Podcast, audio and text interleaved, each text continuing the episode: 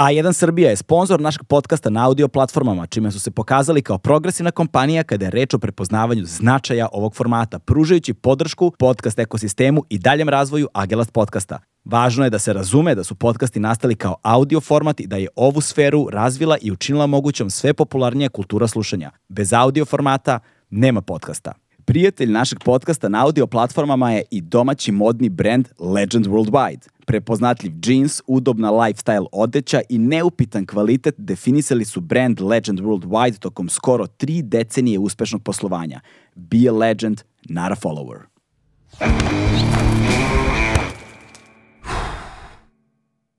Hmm.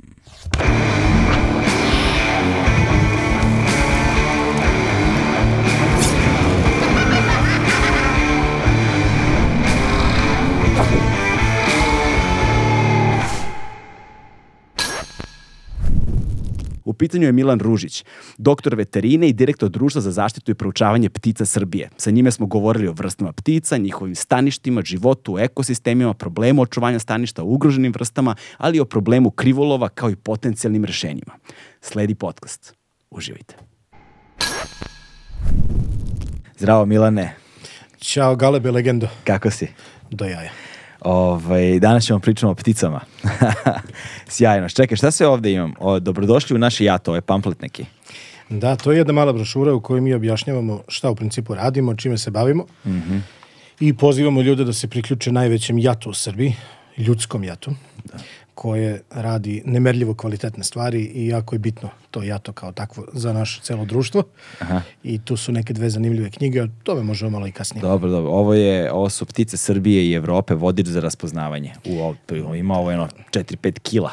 Pa to je dobro i za samoodbranu, a da, da, da dobro da, je da, da. dobro i za učenje, naravno. Sjajno. Ovde je bukvalno na svakoj stranici ono po desetak, dvadeset ptica različitih i više čoveče.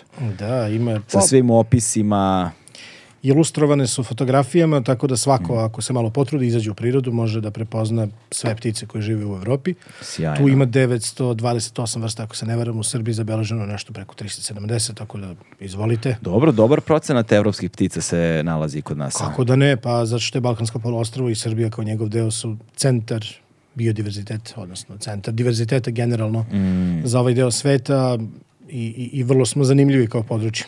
Za ptice. Pa za sve smo za zanimljivi. Sve, da. A pa i kulturološki, istorijski, gde god da se obrneš, jasno, da. okreneš, da. mi negde tu iskačemo. Da, da, da, da, barska kokica. Haos. Ovaj, a šta ti je ovo? E, to je jedno malo starije izdanje, starije od pre, od četiri godine, to je najkapitalnija stvar koja je izdata opticama Srbije.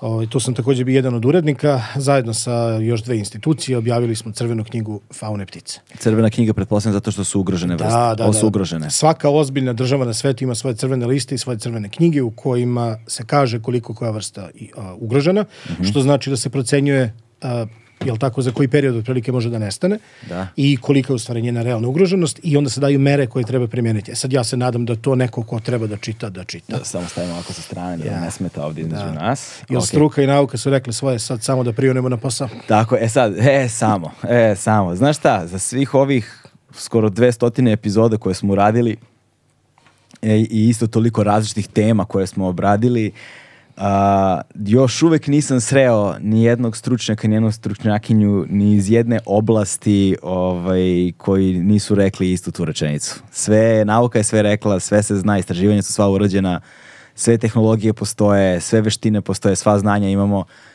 samo treba da prionemo na posao, samo treba postoji politička volja.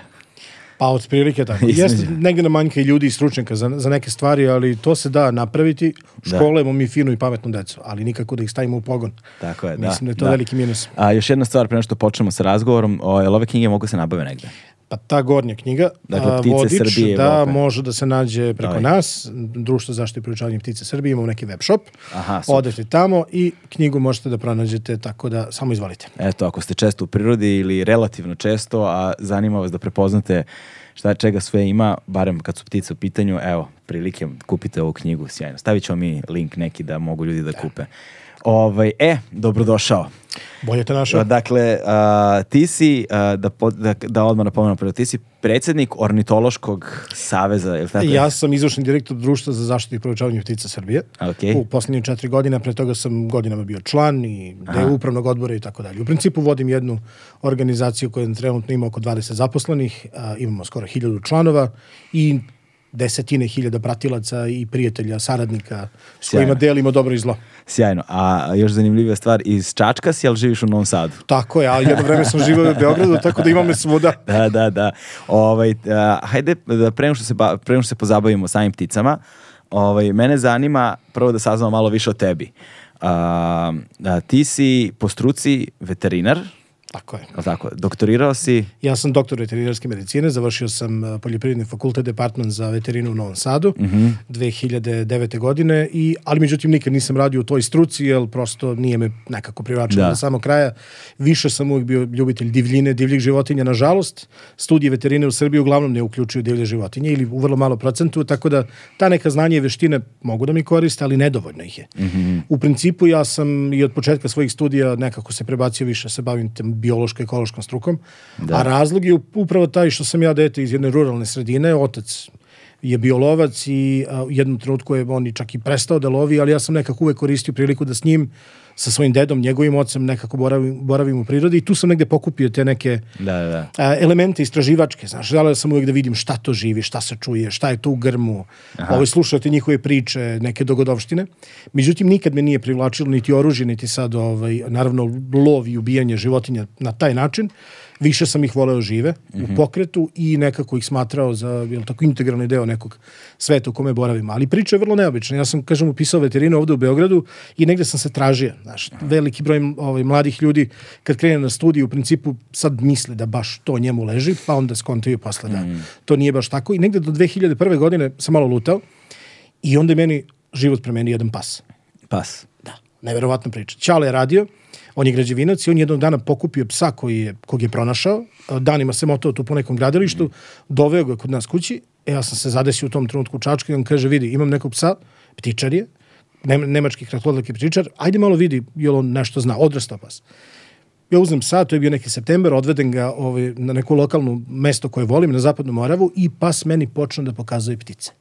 U principu životinja mi je otvorila oči sve ono što sam je do tad znao bilo vrlo površno, malo, ali pas je meni našao prvu crvenu čaplju, prvog bukavca, vodomara i tako dalje. On je pro, i prolazio kroz bunje, kroz bare i onda sam ja shvatio da je u stvari ta neki, taj neki prostor mnogo, mnogo bogatiji nego što se misli. Čekaj, kako ti je pokazivao? Ne pa bukvalno odli markira. Pronađe, na osnovu mirisa pronađe ptice koje su dobro sakrivene ili se nalaze u nekim gustišima, u trsci, u rogozu, istera ih, one polete, ja se oduševim. Jer u principu vi kad šetate, vi to ne vidite. Da, da. Osim ako, ako niste stručnjak, kako ne poznate zvukove i tako dalje.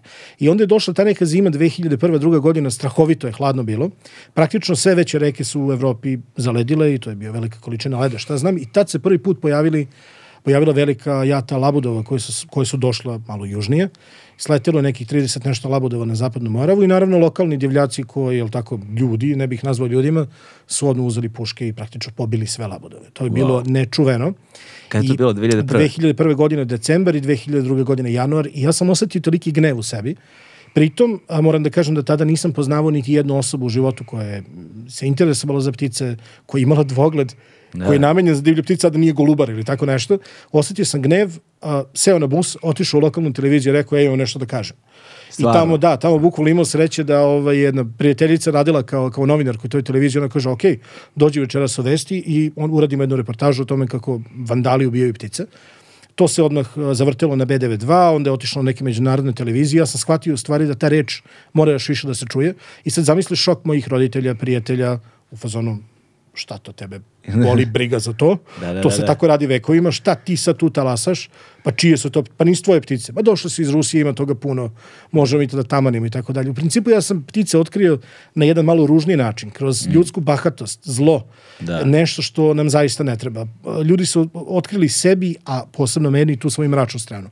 I onda sam krenuo da ovaj, razgovaram sa policijom, sa inspekcijom, svi su bili u šoku. Niko se nikad nije obratio nekoj instituciji da kaže da zakon treba primenjivati, mm. a postojao je divlje, kad da. su u da. pitanju divlje ptice i tako dalje i tako dalje.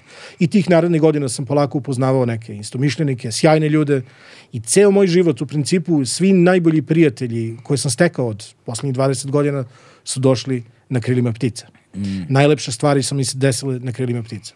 Svoju dragu, s kojom sad imamo dvoje dece, ovo imamo divnu porodicu, sam upoznao preko ptica upoznali smo se u Ljubljani, iako je ona studirala u Beogradu, tako da cela ta, cela ta priča je neverovatna. Šta ste radili u Ljubljani? Pa, to je isto potpuno lude priča. Ovaj, ja sam tad stanovao u Novom Sadu s jednim cimerom, Ovaj, on kaže, vidi, ima neka studentska ovaj, međunarodna konferencija u Ljubljani, Aha. dolaze ljudi iz celog sveta, aj se prijavimo. I ja kao, ok, cool, mm. sve, i mi, ja sad sa ekipom iz Novog Sada s kojim smo tada ovaj, istraživali sove, prijavim jedan jako zanimljiv rad, e, imali smo neke neverovatne nalaze u tom trenutku, najveća jata sova na svetu i tako dalje. I ja odem na konferenciju, on me ispali, on se ne pojavi. Mm. I to je bilo najveće ludilo zato što ja sam a, pet dana pre toga bio na jednoj međunarodnoj konferenciji u Holandiji, vratio se iz Holandije i sad zamisli imam 20 evra u džepu. A, a, a karta vozom do Ljubljane košta tri puta toliko. Da, 60 ja, ja nemam keša, bukvalno. I tu ovaj, jedan prijatelj iz Beograda, Sever, meni kaže, vidi, ti moraš da odeš, to je sudbinski jako bitno da odeš ja odem na fakultet, poljoprivredni faks u Novom Sadu i kažem, molim vas, da li možete da mi finansirate, idem na konferenciju ovaj, kartu voznu. Oni kao, ok, oni mi plate voznu kartu i sad je problem bio, pošto mi još uvek smo, ovaj, potraživali su na vize za Sloveniju i ovo je najluđa priča odlazim sa 20 evra u džepu u konzulat a, slovenački koji je ovde nedaleko odavde na Kalemegdanu. Bio. bio. Ne znam da li i dalje, ali bio. Da, da, da i predajem, predajem dokumentaciju i viza košta 20 evra. Ulazim unutra i kaže mi gospođa koja radi na šalteru, a vidimo se pola dva. Ja dolazim u pola dva i sad kontam kao, ok, imam kartu za voz, nemam za kotizaciju za konferenciju, snaći ću se, ali ako mi uzmem ovih 20 evra za vizu, kao, ono, propao sam totalno. Yeah. Da. I dolazim na šalter, neki dobili vize, neki nisu, i ja dolazim na red, ona me proziva i smeška se i kaže, pozdravi vas je konzul, a vi nećete plaćati vizu, on je to kao rešio, drago mu što studenti Srbije putuju u Sloveniju, kao ozaren. da, da, kao, da, bože, da. daj mi znak, otprilike. Tako da ovaj, tu je sve krenulo, ono, neki neverovatni ljudi, bukvalno situacije se nameštaju. A poenta je da morate verovati ono što radite da. i da sam ja uvek znao da sam na pravom putu. I u sve tegobe, životne muke, ono, prepreke koje svako od nas ima, da. neke lepe stvari se dešavaju kad zaista pratite dobar vibe. Da, dobra ti je životna energija, sviđa mi se. E, ovaj, e, energičan si ovaj, e, čovjek, što je dobro za ovakve stvari, pretpostavljam. Posebno kada se baviš čime se baviš sa strašću koju ti imaš. Ovaj, e sada, um, kada koja je dobra početna tačka za da govorimo zapravo o pticama? Jer čini mi se da je problem, mislim ja sam isto deo tog problema, ne, sad ne, ne izdvajam sebe, potrudim se ponekad da se spremim za razgovor, ali u suštini me, za mene je ovo takođe jedan od načina da učim, znaš, tako što pozovem ljude koji su stručnici pa onda saznam svašta nešto, ovaj, jer nisam imao gde ili sam lenj da sada se raspitujem i nabavljam knjige i idem tim dosadnijim i sporijim putem, ali u suštini um, čini mi se da ljudi ne poznaju dovoljno ono floru i faunu prosto našeg podneblja svakako, ovaj, ali ptice mislim da su visoko na toj listi. Ono, ako je prosečna osoba ume da nabroji 10 vrsta ptica, to je otprilike to, čini mi se. Uh, ovaj, kažem, nisam ni ja ništa bolji. A, tako da se nijedan pojam ne podrazumeva, znaš, nijedna informacija se ne podrazumeva. Pa me onda zanima šta bi nam bila dobra početna pozicija a, da počnemo da pričamo o pticama ovaj, u Evropi, pticama na našem podneblju i naravno svim onim koje, a to je veliki broj njih, koje prolaze i koje, kojima je ovaj podneblje privremeno stanište. Pa ja sad ne bi da zvučim grubo ili da bilo koga uredim, ali mislim da je poznavanje prirode u tom pravom smislu mm. života koji nas okružuje u stvari jako bitan deo svakog obrazovanog čoveka, odraslog čoveka. Tako je. I čini mi se da svako dete kad se rodi ima tu iskru da mm. želi da nauči, da upozna, da je radoznalo. U principu radoznalost je jedna neverovatna da. pojava koju mi svi nekad imamo u a možda neki od nas uguša u trenutku da.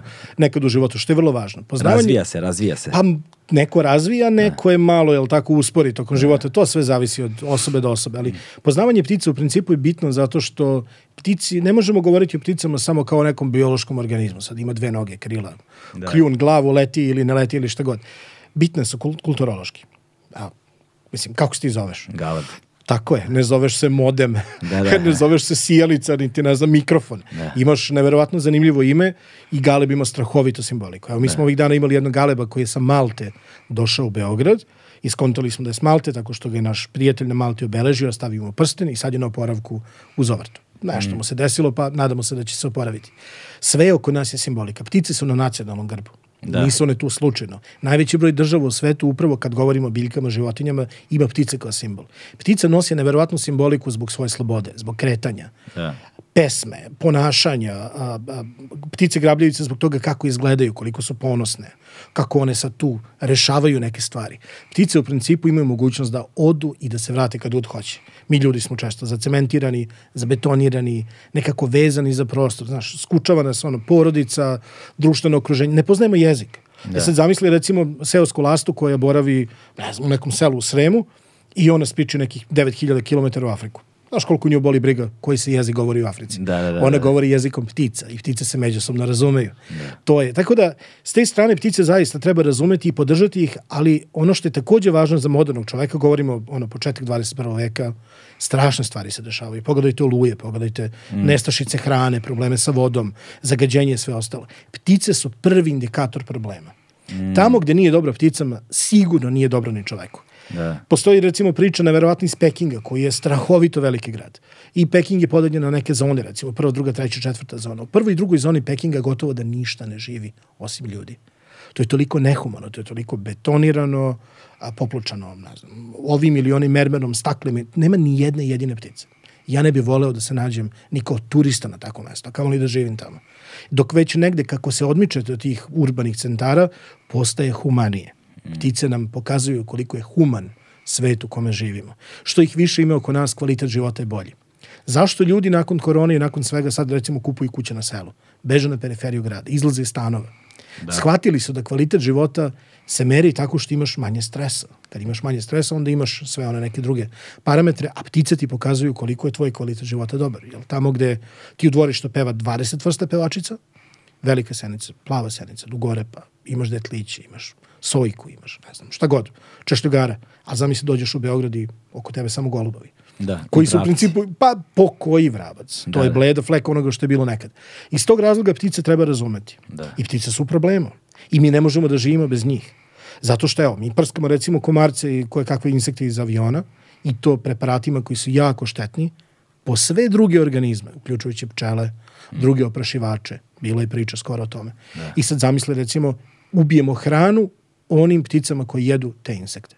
Šta smo onda uradili? Pravimo dvostruku štetu.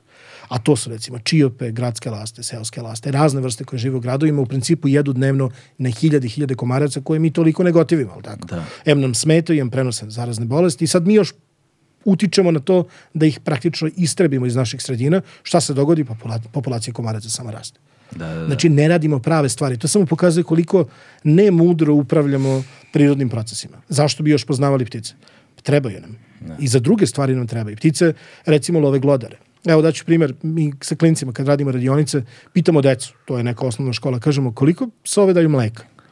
I klinci kao, pa ne, kao sove, ne, da, sove daju mleko, ali posredno. Jedan par malih uševa ili utina sa svojim porodicom, to je neka 3-4 mladunca, na jednom imanju godišnje može da istrebi negde, da ulovi negde do 10.000 glodara. 10.000 glodara. glodara. Toliko očiste sa jednog područja. Svaki glodar pojede 2 kg stočne hrane, puta 10.000 glodara ili zagadi ili pojede, to je 20 tona hrane. To je dovoljno hrane da ishranite tri visokomlečne krave koje daju recimo 18.000 litara mleka. Da, da, Tako da taj par sova s mladuncima donosi direktnu ekonomsku dobit jednom domaćinstvu od 800 evra mesečno. To je više nego prosečna srpska plata. A1 je prvi prijatelj audio izdanja Agelast podcasta. Da, da, da, da, Dakle, jedan par sova u dobro principu se, zarađuje... Dobro si ti tu matematiku radio, ja da ti to, kažem. ali to je, to je osnovna matematika. Sad, e sad zamisli ovu situaciju da tebi smetaju glodari, da ti prave ekonomsku štetu, da a recimo na grizu ovaj, kablove na objektima, pa dođe do požara i tako dalje. I sad moraš da angažuješ ljude, kupiš preparate, pesticide, rodenticide i tako dalje, primeniš ih u životne sredine. Onda izlažemo sebe, domaći divlje životinje, riziku. Mm. Svaki pesticid je potencijalno opasan po životnu sredinu. Nije da, da. da nije totalno cool i nije sve baš tako lepo kao što piše na etiketama i na reklamama. Tako da, evo, ptice rešava i taj deo problema. Onda, evo, to su četiri vrste lešinara. Da. U Srbiji se u prirodu baci preko 250.000 tona organskog otpada, uginulih životinja, ilegalno. Leševa, klaničkog otpada i tako dalje. Ovi lešenari recimo kolonije beloglavih supova na ucu godišnje pojede oko pre, nešto malo preko 1000 tona hrane. Dakle, mi u Srbiji bacimo u prirodu 250 puta toliko više hrane, što znači teoretski bi mogli da imamo 250 puta više lešinara. Ne. Da, da. Znači, neki, a ta bačena životinja, krava, evo sad su velike zaraze, ove afričke ove, kuge, mm -hmm. a, svinski i tako dalje, te životinje završavaju vodotocima, završavaju ono, u bunarima, u rekama, da. na njivama, potencijalni izvor drugih zaraza po ljude i tako dalje. Ptice to sve rešavaju. Da, da, da, da. Dakle, ima mnogo stvari gde mi ne možemo ptice da izuzmemo iz našeg životnog prostora i kažemo sad, pa kao ptice su nestale, mi imamo tehnološka rešenja. Za neke stvari nemamo. Za neke druge imamo, ali koliko to košta? Mm. To je sad kao ovi što gaje ogromne, imaju ogromne površine pod staklenicima, plastenicima, pa idu, pa ručno oprašuju biljke. Da. Pa ubacuju neke bumbare unutra, pa ih nešto mere, pa gledaju. Ne, tu u prirodi sve, to je sve rešeno na 1-2. Da. Zato nam treba biodiverzitet, zato što mi od njega zavisimo. Tako. I mi kad štitimo prirodu, mi štitimo pre svega svoj život. Malo to mm. zvuči sebično, ali čovek jeste deo prirode, htjeli mi to da priznamo ili ne, sviđalo se to nekom ili ne, ali mi jesmo deo ovoga. Mi smo nastali na ovoj planeti i moramo uraditi sve da sačuvamo život kao takav. Dakle, vrednost života koja podrazumeva druge vrste, koja podrazumeva druga staništa, druge predele, sve ono što nam je potrebno da bi opstalo. Da, moguće je da će čovjek jednog dana postati međuplanetarno biće, ove, interstellarno teško, međuplanetarno vrlo verovatno, ali pre, pod uslovom, odnosno preduslov je da sačuvamo resurse na ovoj planeti i da uspemo da se sačuvamo dovoljno dugo da razvijemo tehnologiju za tako nešto. Ali Ako se ne istrebimo pa međusobno. To, to ti kaže, da, da, mnogo je, mnogo je preplaka. Imamo mi mnogo pre, preče probleme od ono putovanja na druge planete u ovom trenutku. Ali dobro, uh, malo, pre si, malo pre si pomenuo onako usputno da vrabaca nema ni de, delimično koliko ih je bilo nekada. I sećam se da je pre nekoliko godina ili pre koliko već godina, meni je sve pre nekoliko godina, ja više nemam pojma, da pre 15, 20 ili pre 5, sve mi je pre nekoliko godina.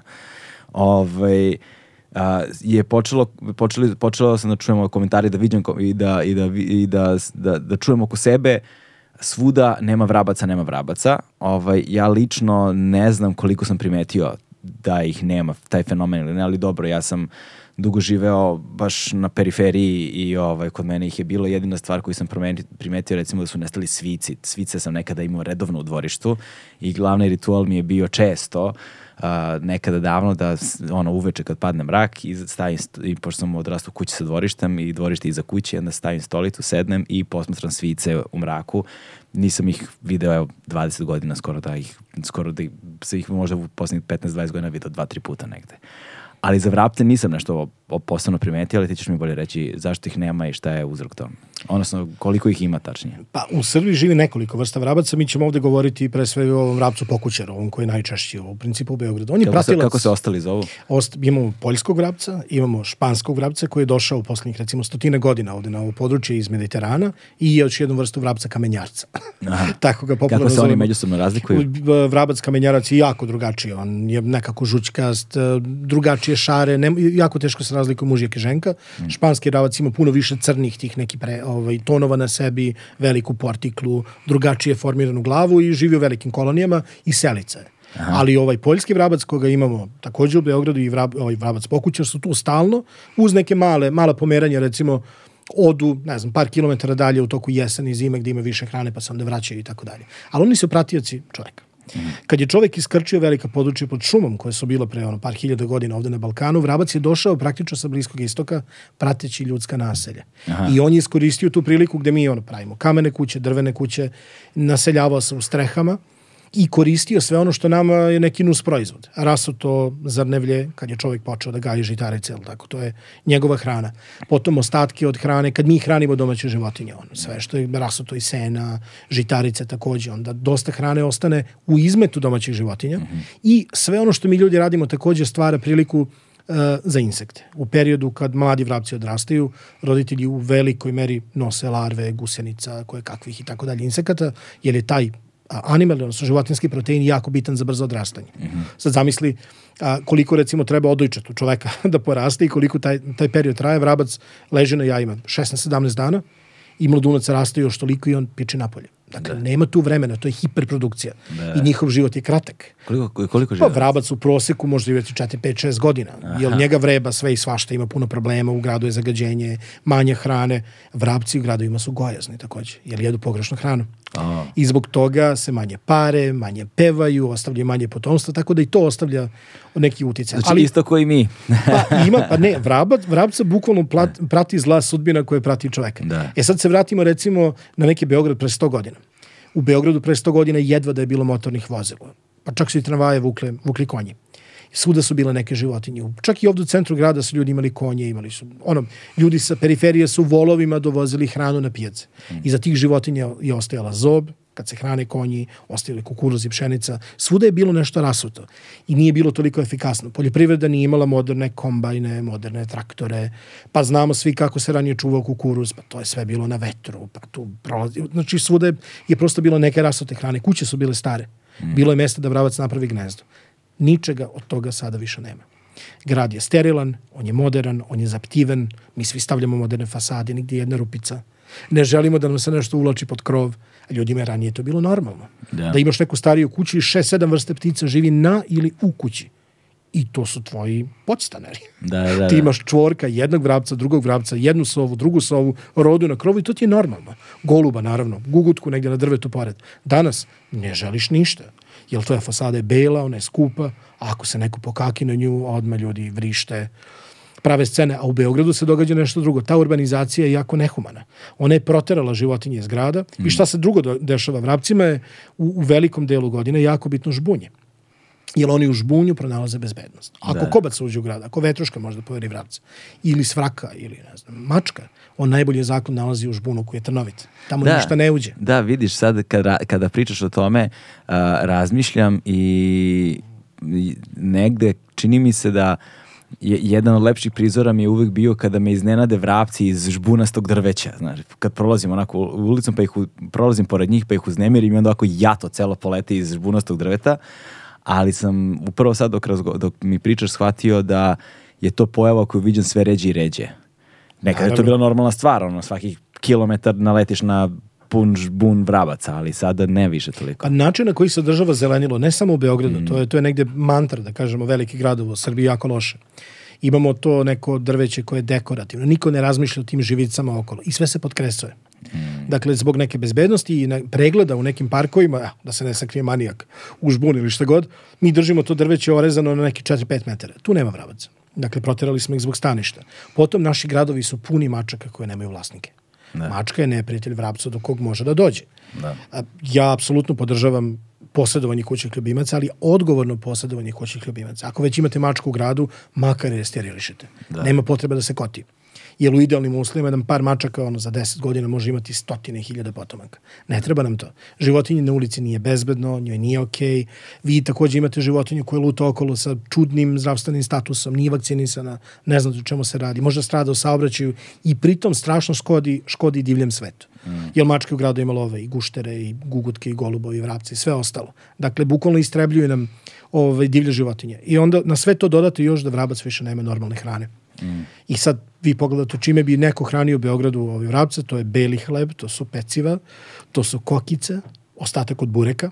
Da. To je hrana koja nije dobra čak ni za nas ljude, zato što je puna a, belog brašna koje nutritivno ništa ne znači, puna je aditiva, soli, kvasaca, a to pticama škodi. Da, da, da. I na, ono, in the long run, što kaže, na neke duže staze nastaje problem nema staništa, nema gnezda, nema hrane i onda ljudi pitaju zašto. Pa nema ničega. Da. I to nije problem Beograda. London gubi vrapce, Berlin gubi vrapce. Svi veliki gradovi gube vrapce zato što su veliki i koncipirani, organizovani tako da nisu povoljni za divlje životinje. Da, da, da. dakle problem zapravo biodiverziteta je globalni problem. Apsolutno. Nije, nije, ne, nije lokalni nije sad da ne bude da samo mračimo da. ovde mi. Zna. Ima razlika, naravno, možemo reći neke specifičnosti ovde mm. ili onde, ali mi govorimo o jednom trendu koji je loš.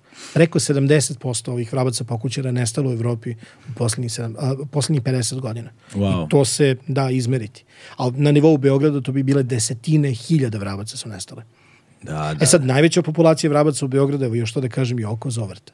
Da, da. I potpuno je jasno zašto. Tamo su hiljade životinja, tamo ima puno hrane, ima skloništa i starih objekata na Kalemegdanu gde oni mogu da se da. uštekaju. I to je to. Vama je praktično centar vrapčije populacije, dživđanske populacije zaovrti neka bliža da, da okolina. Da, da, da. Sada kad pričaš o, o vrapcima, prva sledeća ptica koja mi pada na pamet su golubovi, naravno.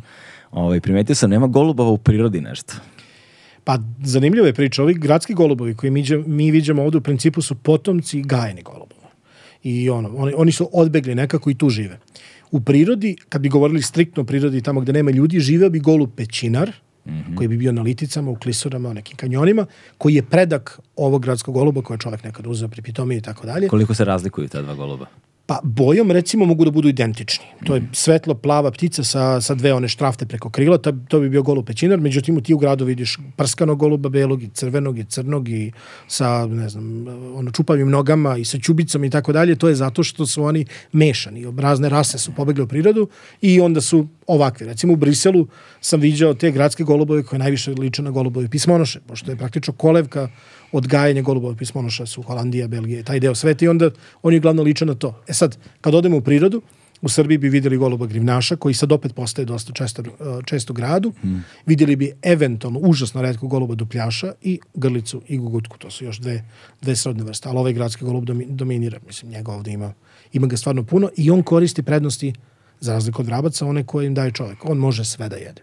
Daću jedan primjer. Pacov, brate. Ne, ali neverovatan je. Oni jako su snalažljivi i vrlo su pametni i nije im lako doakati. Aha, u da. smislu, čim njih ima toliko i tu su, znači da oni imaju neku foru za opstanak.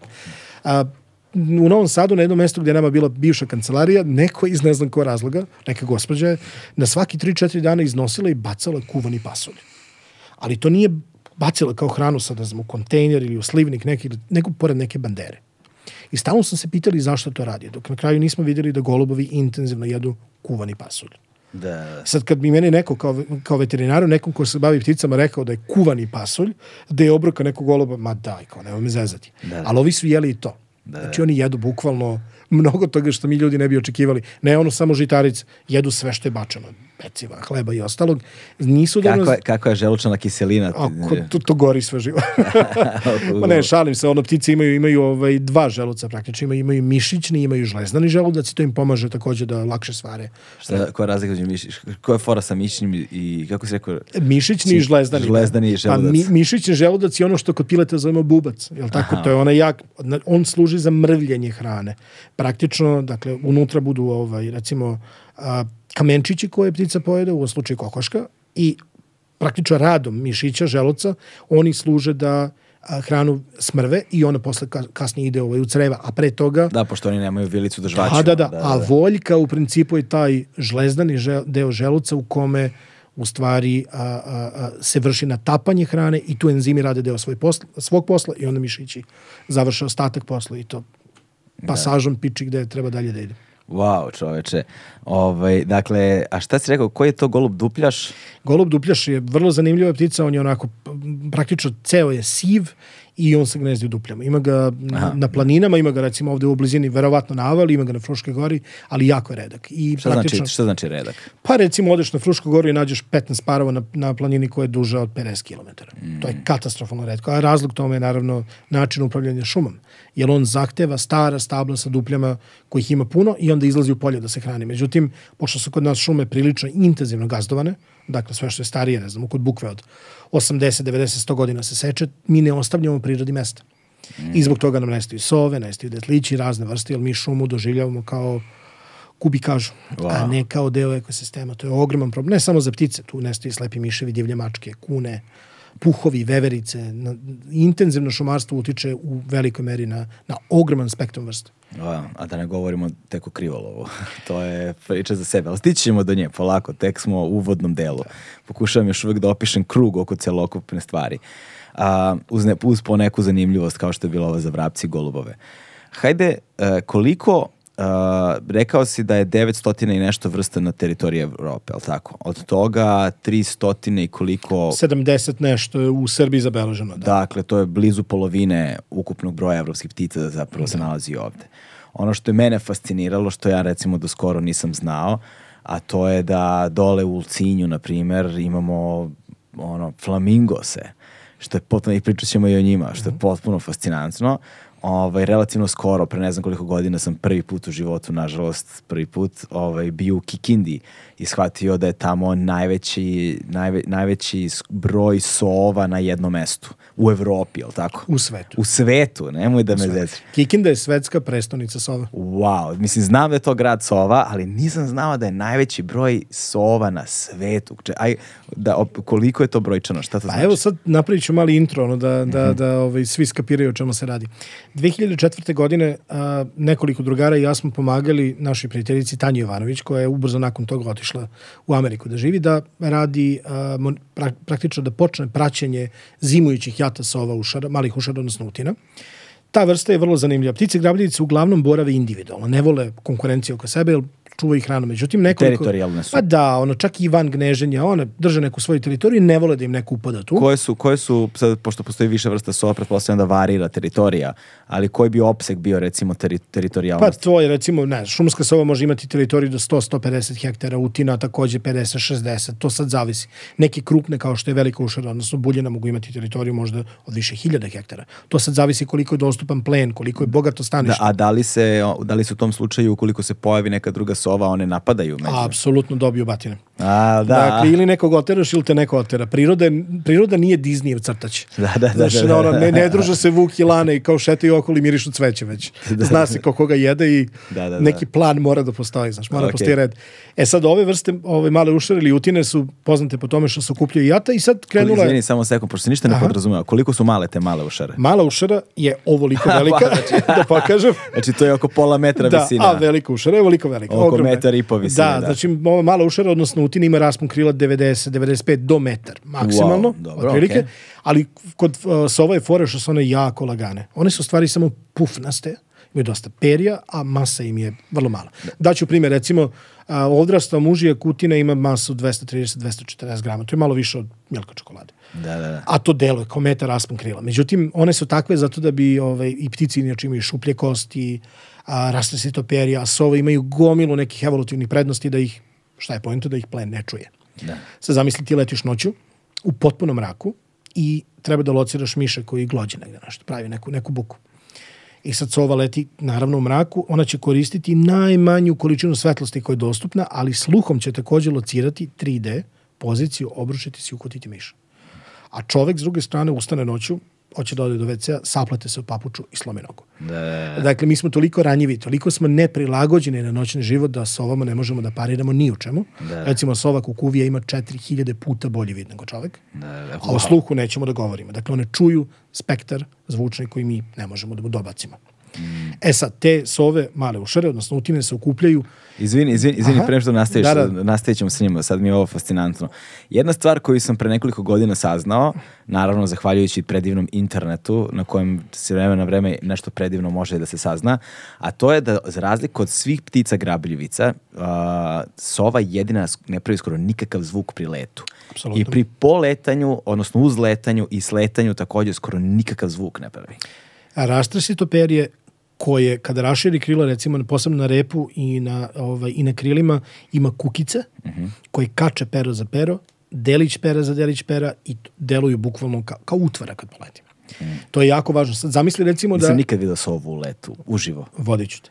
Molim, da, znači, nikad I oduševit se. Da, da, da, zato što ga video sam na snimcima, na fotografijama, na filmu, dokumentarnom filmu, video sam sove uživo, sam video, uh, ono, video nekoliko puta na selu mi se desilo da, da bili smo davno, davno, davno, davno plastili seno jedne zime 97, jednog leta 97. godine, čini mi se, jes 97. I, ovaj, I kad smo spavali u toj nekoj seoskoj kući, to je baš onako prava seoska kuća, onako sred livade, ovaj, da, da, da se odmori od rada. Nije za uh mhm. -huh. duži boravak i pojavila se sova na prozoru, znaš, dok sam spavao u krevetu. Wow. Da, ali da, 97, znaš, to je, recimo, tad sam prvi put video sovu i video sam ih u različitim, znači, oblicima, fazama, sve, ali nikad nisam video, ono, neku veću sovu posebno u, ono, rašenih rinila u punom letu. Nisam ni orla isto tako nikad video između ostalog, ali ajde. Smatraj da ti to završeno. Važi, važi, ja, tome se baš radujem.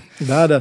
E sad, dakle, njihova prednost je to što izuzetno dobro vide, izuzetno dobro čuju i ne čuju na lete. Da. I to im omogućava da I nađu plen. Primetio sam da sove, recimo, za razliku od većine ptica, imaju oči napred kao mi. Da, dakle, jedine, jedine ptice koje imaju potpuno frontalno postavljene oči i čovekolik izgled lica su sove. Mm. Iz tog razloga one su uvek privlačile pažnju ljudi. Mm -hmm. Zato neke, neke vrste sova, recimo kao što je šumska, ne znam, u nekim dijelovima Srbije zovu čovekalo.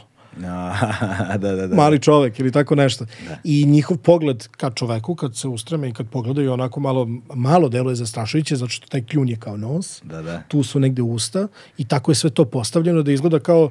Zato ljudi kažu sa ovaj mudra, jer ona kad posmatra ti kao sad vidiš da ona ima neku drugu nameru. Da, da, da. Nešto ona sad tu konta. Da, ne, da ne postoji neka namera iza pogleda. Pa nešto, ali, da. Ali koji je evolutivni razlog zašto imaju tako postavljene oči? Sove su, što je vrlo zanimljivo, dosta različite od dnevnih ptica grabljevica i nekako su srodnije recimo sokolovima. Mm -hmm. I kod sove je vrlo zanimljivo također što im iako se to ne vidi s polja, uši ne stoje na istoj visini. Jedno uvo je malo podignuti odnosno na drugo, jer to im pomaže da trigonometrijski odrede dakle dolaze zvuk. Kad imaš ušni aparat koji je malo pomeren, ti onda drugačije a, dobijaš iz drugačijih smerova zvuk i fore što sove ne mogu da pomeraju uši one mogu da okrenu glavu za skoro 270 stepeni u krug i oči su im fiksne. Mi recimo imamo akomodaciju očiju u smislu možemo, jel tako da vidimo ne. ovaj, malo očima da vidimo na bliže na dalje, ali s ovama su oči, da kažem, zacementirane, ne mogu tako da ih pomeraju. Kod njih je vrlo bitno što im se popile otvaraju i skupljaju u zavisnosti od količine svetla koji dobijaju. I jako se brzo otvaraju i mm. skupljaju. To može se napraviti mali test nekim svetlom. To e. vidite, on bukvalno se otvara i zatvara.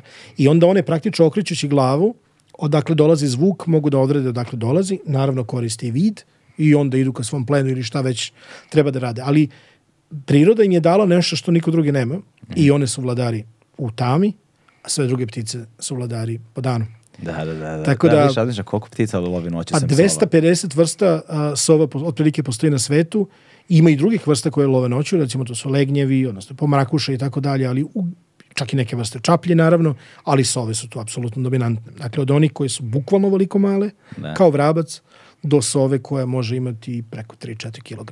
Wow. To je ogromna ptica kao recimo sibirska buljina ili kao što su neke sove ribari, na primjer, koja love samo ribu. Da, da, da. Tako da ima, sam fotografije sam samo da, video. Da, ono. Ima mnogo prednosti, odnosno prilagođavanje Neki vrsta koje žive samo u tropima, neki koji žive samo u polarnim krajevima, u umerenom pojasu, gde god ti pada na pamet, svuda ima sova osim na Antartiku.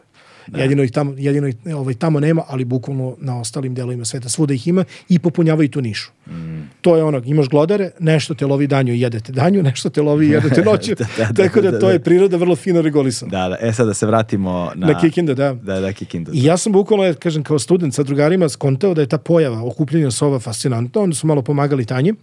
Tanja je otišla i onda smo mi jednog dana seli i rekli da ide nastavimo to istraživanje koje je radilo, ali je super zato što je dobra osnova, može nam značiti sutra za karijeru. Pomenuo sam da sam otišao u Sloveniju ovaj, na konferenciju i tako, jel tako, došao do, do nekih ovaj, vrlo bitnih životnih situacija. I krenuli smo sa tim da radimo i uh, zamolili jednog drugara da obiđe Kikindu, kao nemamo keša, nemamo i sad nikakav projekat, nemaš ništa. On kaže, ja sam iz Kikinda, obići ću i čovek nas, ovaj, cimljeno se i kaže, izbrojao sam 165 soba u Kikindu u centru grada. I sad imaš samo dve opcije, da misliš da te zeza ili da se napija. Da, da, da, I sad znajući njega da je, da je korektan, pozdrav za Borisa, ovo ovaj, da je korektan, da je normalan momak, kao čekaj, kao možda na zeza, ali mi to da proverimo. Sećam se kao juče da je bilo. Dvojica drugara i ja u Kikindi šetamo, dvogled je oko vrata. Čekaj, bre, malo pre dvogled za posmatranje ptica. To je neka posebna vrsta dvogleda. Pa, dvogled. Ja, ja sam mislio da najobičniji dvogled može da služi tome. Pa, dosta dvogleda može da služi, da. A okay. tome možemo ne, ne, neki drugi put, ali uglavnom većina dvogleda može da služi. Pičimo kroz centar grada i sad kao gledamo gde su sove, one su tu negde na trgu. Uh, Posle tri minuta dolazi patrola policije. Mm -hmm. Kao zaustavljeni, kao momci, molim vas, dokumente mi, kao dokumenta, u čemu je problem, kao, gde su vam puške? Kao, zašto će nam puške? Ne, kao nosite dvoglede, mora da imate puške. Pa ne, kao auto je parkiran tamo, mi nemamo puške, znate, mi smo došli zbog ptica. Zbog ptica, nemate puške. Da. to je bilo 2007. godine. Dakle, ljudi su, da, izvinjam se, 2006. Ljudi su mislili da kad imaš dvogled i interesuje te ptice, da automatski za toga sledi pucanj. Da, da, da, da. Nemoguće da bude nešto drugo. Razgovarali sa njima, oni potpuno šokirani otišli mi i uradili šta smo uradili. Sledeće godine ovaj prebrali još. ste ovo videli taj dan? Tad, taj dan smo videli tako preko 160, 170. Videli ste kako ste da. reagovali kad ste ih videli? Kad ste, pa, kom trenutku ono, oduševili se. Ne, u kom trenutku ste skapirali ono, posle treće sove, pete, ko, posle koje pa ne, da, gledaj, a, pošto je to gradski trg ima puno drveća, ti ono brojiš na jednom drvetu 10, 15, na drugom 20, 30 i prosto beležimo ih i ti zbraješ neke velike brojeve, ali neverovatan je događaj kad ti staneš ispod drveta i 50 pari oči ovako gleda u tebe. Da, da. Još su one narančaste, pečatljive, onako brutalne, kao ova sovica što je ovde na, da, da, da, da. na korici knjige. To je ta mala ušara, odnosno utina. O, e, vidi. Pošto sam ja ovaj, bio urednik knjige, pa sam sebi dao za pravo da stavim pticu koju najviše volim. Zloupotrebio sam svoju moć. Da, da, da. Nepotizam, nepotizam. da, klasičan. Sovizam. Ove, ovaj, da. tako da, da ove, ovaj, to, to je bilo fascinantno. Mi smo onda ove, počeli da radimo sa lokalnim medijima, obratili se lokalnoj samoupravi, naišli na neverovatne ljude. Mm. A ako negde u Srbiji postoje kvalitetni i dobri ljudi, oni žive u Kikindi. Ljudi koji imaju viziju i već narednih godina mi smo došli do brojke od 754 sove na gradskom trgu. Wow. Najveća je zabeležena brojka ikada na svetu, pre toga je bilo 290-300. Wow. I onda su nas obratili na neke strane naučnici kao... A gde je zabeležena ta prednost? U Slovačkoj. Slovačkoj. I onda među vremenu Mađarskoj i na jedno mesto Bugarskoj. I onda se ljudi bili kao uh, ovi klinci ili se zezaju ili su na nekim drogama. Yeah. Da. Obratili se, počeli smo da komuniciramo, tako da smo mi u principu 2011. godine napravili prvu i do sad jedinu svetsku konferenciju naučnu o toj vrsti sova u Kikindi. Svi najbitniji naučnici sveta su došli, podržali nas i jedne druge smo pokazali šta gde ko radi, oni su bili šokirani potpuno, međutim, stvar sa Kikindom je mnogo dublja. Uh, Čekaj samo sekund, dakle, svi najznačajni, najznačajni naučnici koji se bave s ovoma na svetu su došli nama na noge, studentima u Kikindu. I koliko je, koliko je medija to pokrilo? Svi, apsolutno. Dakle, ne postoji značajni svetski mediji koji nije pisao fenomenu sova. Govorimo o našim medijima. Svetskim medijima. Ne, našim medijima govorimo. Svi. Svi naši mediji. Da, ja ne, ne može da mi padne na pamet niko ko je tad bio aktivan kao medij da to nije pokrio. Koja je to godina? 2011. 2011. To je da. brutalno propraćeno bilo. I nakon toga škole u Kikindi, i Narodni muzej, tad je bila opština, posle toga gradska uprava, svi su prihvatili. Kikinda je sad jedini grad u Evropi koji ima ceo mesec posvećen sovama. Kikinđani su promenili naziv novembra u sovembar Wow. Tako ga zovu. Carski. I svako dete koji ide od osnovne škole, od, šalim se, uh, greška, ne od osnovne, od obdaništa do srednje škole, prolazi kroz neke obrazovne programe s ovom. I na kraju meseca imamo festival gde klinci pišu pesme, imaju predstave o sovama, imaju izlužbu svojih radova, klinci koji idu u lokalnu školu gde prave ono kolače i klopu, imaju sve sa sovama. Onda rade neke, ovaj, u tehničkoj školi rade recimo modele robotića kao sove, neverovatno. I to dovodi naravno i turiste, sve ostalo. I onda nakon toga je došao ekoturizam, prvi put a, uh, da je Srbija stvarno izbila na svetsku mapu, da možemo da pokažemo, jel fora je da pokažeš nešto što negde nema. Da. Znaš, ako hoćeš da vidiš, ne znam, Orla Krstaša, malo ga ima u Srbiji, odeš u Mađarsku, veli, veli, veća verovatnoća, dropljuju šta god, ali doći na mesto gdje je najveće okupljanje sova na svetu, to je must have. I onda su krenuli Ameri, Britanci, svi ostali, tako da je već nekih 12-13 godina u toku zime imamo super grupe gostiju koje dolaze. Ostavljaju keš u lokalnoj samoupravi to je vrlo važno. Oni plaćaju hotel, plaćaju hranu, plaćaju vodiče, kupuju suvenire. Tu ti je, znaš, cela industrija ekoturizma može da se razvija ako to radiš na pravi način. Da. A da se ove nikako ne smemo da ugrozimo. I šta su radili ljudi u Kikindi? Proglasili su za zaštićeno područje, zaštićeno stanište, centar grada. Da, bravo, bravo, bravo. Znači, mi ne, mi ne možemo da skinemo ilegalni objekat koji je napravljen na Pančićevom vrhu, da, u da. nacionalnom parku, ali Kikinđani su toliko pametni da su zaštitili centar grada kao zaštićeno stanište. Tamo više nema koncerata, tamo nema vatrometa, drveće se nekiti novogodišnjom rasvetom. Sve je urađeno tako da sovama bude udobno. A sovo isto vreme Kikinđanima godišnje donesu direktnu dobit od iskrane glodarima od preko 2 miliona evra. Samo od iskrane glodara. A od turizma da ne govorimo. Od turizma dodatno. Da, da, da. Bravo, I sad to da stavimo u kontekst. Tako da o, ovaj, mi smo samo zakutrali jedan kamen. Uh, u toj sredini, u tom ravnom banatu, zakotar kamen, ovaj, zvuči zanimljivo, ali u principu o, ti ljudi su toliko dobri, toliko su pametni, toliko su verovali ideji da su izgurali sve do kraja i ja sam užasno ponosan na to. Zato što sad mogu sa strane da gledam koliko to lepo napreduje. Mm. I Kikinda je od jednog grada koji ima urušenu industriju, problem sa iseljavanjem i tako dalje, oni su dobili novi brend.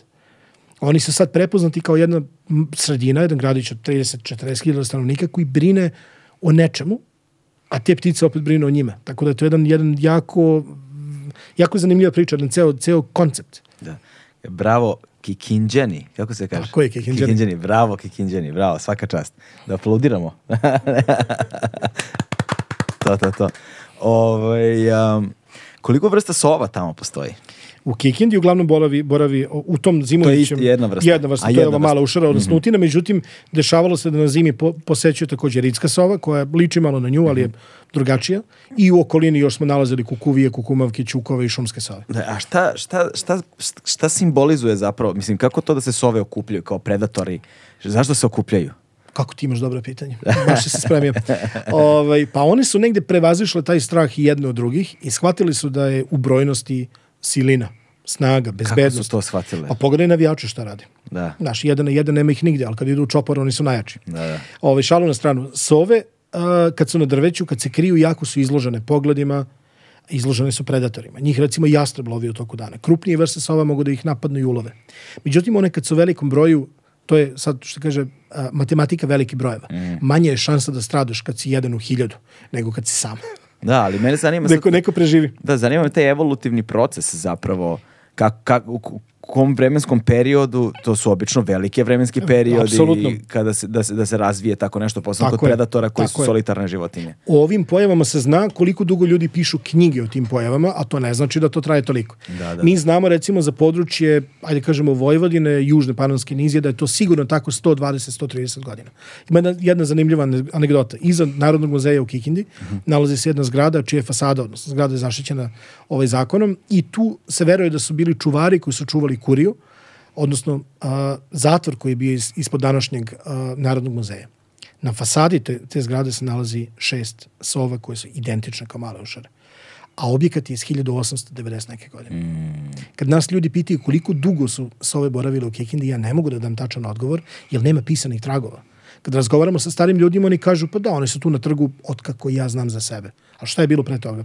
Da. Sad je veliko pitanje, zašto bi neko stavio pticu na fasadu koja izgleda identično kao ova, ova vrsta?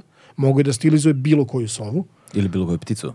Šta god. Ali ovo gleda na muzej i tu su živeli čuvari. Tako da možda su one i tad bile prisutno gradu. Recimo za turiste to potpuno cool, jer oni to vole da vide tu neku vezu ljudi iz ponuku lokalne kulture i tako dalje. Ali ta pojava sigurno datira hiljadama godina. Dakle, one su shvatile da je u brojnosti a, snaga. Jedan a, naučnik iz Danske, čiji smo rado čitali nebrojeno puta, kaže da ima nekoliko, on ima svoje teorije. On kaže ovako, prvo, naći partnera. Mm. Pošto ove sove se gnezde već prve sledeće godine. one se izlegu ove godine, od februara, marta one traže partnera i kreću dalje. Naći partnera između više sova je mnogo jednostavnije. Mm Zato mi ljudi odlazimo na žurke, odlazimo da. u klubove, da, da. tamo imaš izbor. Znaš, ako si sam u šumi, da. to je to. Da, da, da, da. Tako imaš izbor. Druga stvar, a, ako si a, e, u velikom jatu, a, e, neko će lakše da čuje i da vidi da to bavesti ako imaš neki problem. Mm. Treće, ako si neiskusan, ti pratiš šta rade ovi drugi koji Iskusniji, znaju. Da. Zamisli da si ti sova i naterala te glad i, ne znam, zima neka, neki loši vetrovi krećeš iz Poljske ka Balkanu. I dolaziš da kažemo, u tu neku južno-panonskom niziju, lutaš negde oko Kikinde i nemaš pojma gde je hrana. Ti si gore negde na kilometar dva visine iz Kikinde, u tom trenutku negde, recimo novembar, ili početak decembra, oko 15 do 5 ili 10 do 5 uveče kreće masa sova da leti. Dovoljno je samo da ih pratiš. Da, da. Tamo gde one odlaze na klopu, tu je klopa. Jer one pamte gde su jele prošlih noći i tako dalje. Mlade ptice prate starije ptice. Tako ide i se oba i sve ostalo. Tako da i to je razlog. Uh, I šta je sad fora? One su shvatile da je u gradovima bezbednije nego van gradova, što je paradoks. Mhm. Zato što obično mi ljudi u gradovima pravimo probleme, ne trpimo ptice, međutim, u gradovima su ostrava toplote, dakle toplije. One često dolaze na drveće koje je negde uštekano uz neke visoke zgrade, dakle sprečava ih, a, sprečava, spre, a, te zgrade sprečavaju veter da im izduva topao vazduh. Jel, ptice se greju na taj način što imaju gomile tih a, slojeva perja i one zadržavaju topao vazduh između, to je kao perjena jakna. Da, da, da, da. Ti imaš slojeve vazduha, zato kaže ova nada kao slojevite se oblačite. o, ovaj, to je ta fora. Kako beše, ma macura? Macura, da kao slojevi, to se oblačite u da. julu mesecu. Ove, ovaj, tako da ona imaš, imaš perje i između svakog tog sloja, sloja perje, sloj vazduha. E sad zamisli hladan veter koji izduva topao vazduh. Smrzneš se. Nije ti lako da održiš telesnu temperaturu koja je kod njih 44 41 stepen, koliko već. I onda na scenu stupaju ta mesta gde se one uštekaju. Četvrta stvar, u Vojvodini nigde nema prirodnih četinara. Dakle, one preferiraju četinare, a to su uglavnom u naseljima gde smo ih i ljudi sadili. I sve to kad staviš, i još šta je još vrlo bitna stvar, u gradove ne ulaze buljine i skoro da ne ulaze i jastrubovi, tako da neće niko da ih lovi.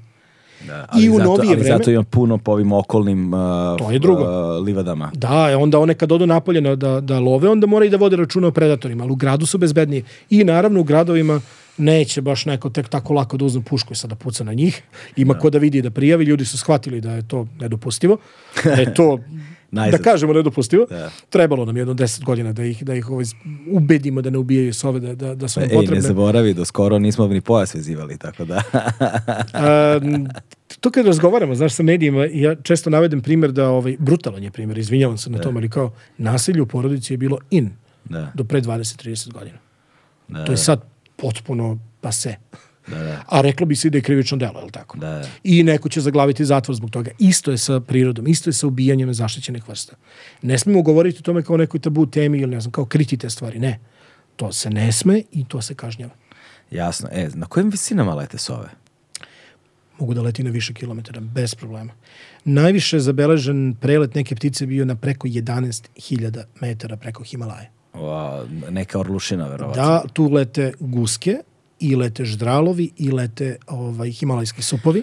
A da, gledao sam zapravo prelet gusaka i gledao sam, uh, ima neka fora, sad sam zaboravio da li sa formacijom ili ne znam, šta, pošto je dosta redak vazduh na tim visinama i onda ima fora kako se one muče zapravo da prelete to. Tako je. Ali da im je zapravo zbog, uh, i, i da je onda da kalkulacija, mogu da idu okolo, Ovaj, ali, I štede energiju ako idu kraće, ali, št... ali opasnije. Ali opasnije, mnogo je opasnije, da. I onda idu da. i da se ono ozbiljno pripremaju za tu etapu, da imaju ono... Ozbi... Da, visinske pripreme. pa ne visinske pripreme, ali imaju da. ono ozbiljna mesta, staništa na kojima staju i da se posebno na hrane, posebno mm odmaraju i pripremaju bukvalno za taj prelet da bi mogle da ga izguraju kako treba i da je frka, ono, nije to tako lako. Pa masa ptica ima tu takozvanu stepstone migration, dakle oni imaju um, tačke boravišta na kojima dolaze na kojima rade dopunu goriva. Sad mm. krenete na more i, ne znam, idete u Grčku, teško da ćete izgurati ceo put s jednim rezervoarom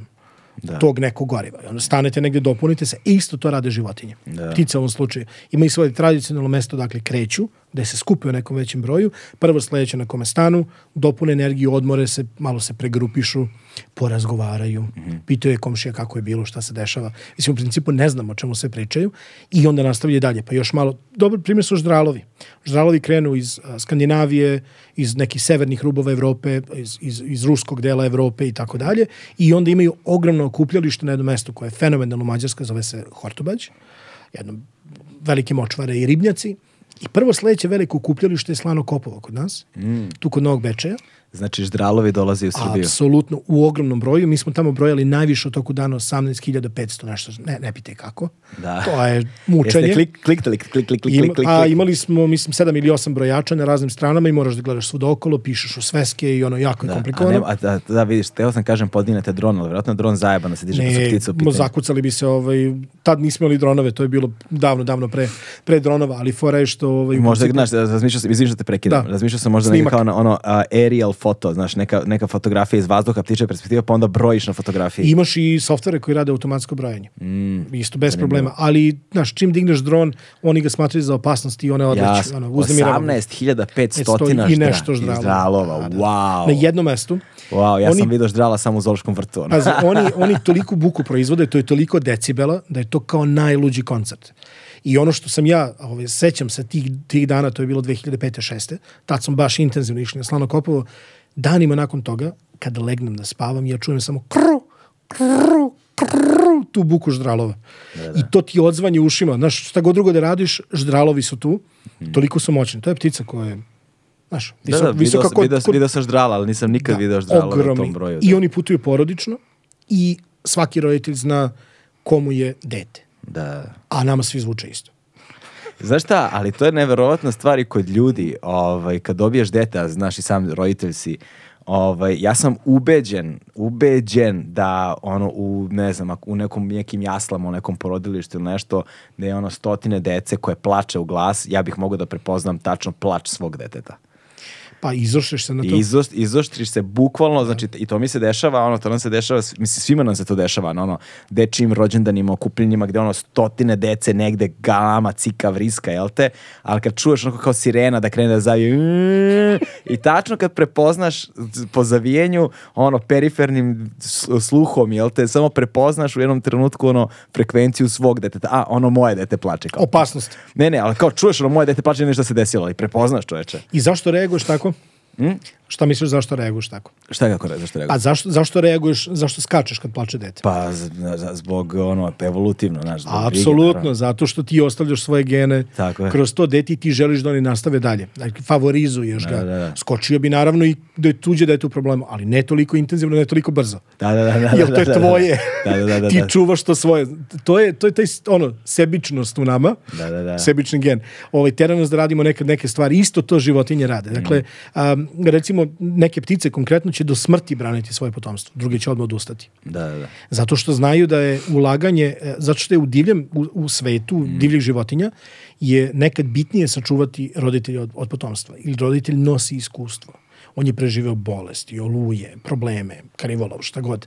On će ponovo dati potomstvo. Ali ako ti po svaku cenu braniš potomstvo, onda verovatno nećeš obstati ni ti ni potomstvo. Da, da. Jer da. ko će brinuti o tvom potomstvu ako ti stradaš? Tako da neke životinje, neke ptice odmah odustaju. Druge, recimo, glume da su povređene, odvraćaju pažnju. Glume Ptice. da im je slomljeno krilo. To patke, recimo, divlje patke to rade. To rade neke šljukarice. Pojave se ispred predatora, pa čak i čoveka koji ih uznemirava i kao slome sebi krilo i bacakaju se po vodi. Ti krećeš za njom, ona te odlači dok samo dunci sakrije. Mm. I u mhm. jednom trutku samo poleti i ode. Ti ne znaš šta te snašlo. Da, da, da, da. To da. rade lisicama, kunama, ne znam, ludilo, ono. Tako da imaju, imaju te taktike, a ove su vrlo zanimljive, vratit se na njih. Primetili smo recimo kad smo radili ove ovaj, istraživanje šumskih sova, koje su dosta agresivne. Ove su ono pesma. Utina ono, ništa. Ona kulira redko, redko kad reaguje. Ali šumska sova, kad ima dobru godinu, to znači kad uđe debela, To kao ja. Kad uđe debela u sezonu tamo negde na jesen i, u rano proleće, to znači da ima dosta klope. I onda i ženki i mužjaci akumuliraju masu, mast koji im daje rezerve da mogu, jel, e, period razmnožavanja je vrlo iscrpljujući. Mm. Znaš, ženka recimo treba da leži 30 dana na, na leglu i da ne izlazi maltene iz njega i ona samo troši energiju, muž jak je povremeno hrani. A energiju troši na grejanje tih jaja. Ptice se rađe inače dva puta. Jednom kad mama snese jaje, drugi put iz jajeta. Da, da, da. Jel da, tako da, da, zanimljivo? Da, da. da. Ove, ovaj, I ona kad uđe u tu sezonu jako debela i pripremljena, ona nosi više jaja. Kad imaju veliko leglo, užasno su agresivne one znaju da više treba da ga brane. Kad imaju jednog ili dva mladunca, one redovno odustanu. Recimo, mi dođemo da ih obeležimo, ona izleti sa gnezda i ode. Ali ako ima 5, 6, 7 nekad mladunaca, brani ih kao nenormalna. Zato što je uložila ogromnu količinu energije i truda da ih podigne. Da. Postoji još jedna fora koja je neverovatna. Kod ptica, za razliku od cisara, od ljudi, ženke diktiraju pol. Mm. Kod nas ljudi je mužjak taj koji daje, jel tako? određuje da li muško ili žen, žensko. Kod, kod ptica su ženke. Kod, recimo, sova je zanimljivo, kad je loša sezona, skoro svi mladunci će biti mužijaci. Zato što mužijak je sitniji i zahteva manje energije da preživi. Da. Kad je dobra sezona, većina mladunaca uleglo su ženke. Znači, so, kod Sova je obrnuto, kod Sova su ženke veće. A ženke su krupnije i recimo on, njima treba, ne znam, 40%, 35-40% više energije da opstanu. Mm. Muž jako manje. Jer on bude sitniji, lakše opstane, manje mu hrane treba i tako dalje. I onda vrsta ide dalje. Ali kad je dobra godina, ona nosi više jaja koji daju ženke. Wow, nisam znao. Tako je evolucija jedno čudo, mi samo grebemo po površini tih znanja. Da, da, da. I sad nauka toliko napreduje da sad kao treba ti četiri života da ti samo čitaš šta ljudi pišu. Da, da dakle, dakle ždralovi, gde se ždralovi okupljaju kod nas? Kod nas na Slanom Kopovu, na tim ribnjacima i slatinama, uglavnom u severnom i centralnom Banatu i onda prave neverovatan put ali bukvalno to znamo, u jednom periodu godine krenu od Novog Bečeja, preko Novog Sada, preseku Frušku goru, odu preko Bijeljine, idu dalje Semberijom, Posavinom i spuste se na Kraška polja u Hercegovini.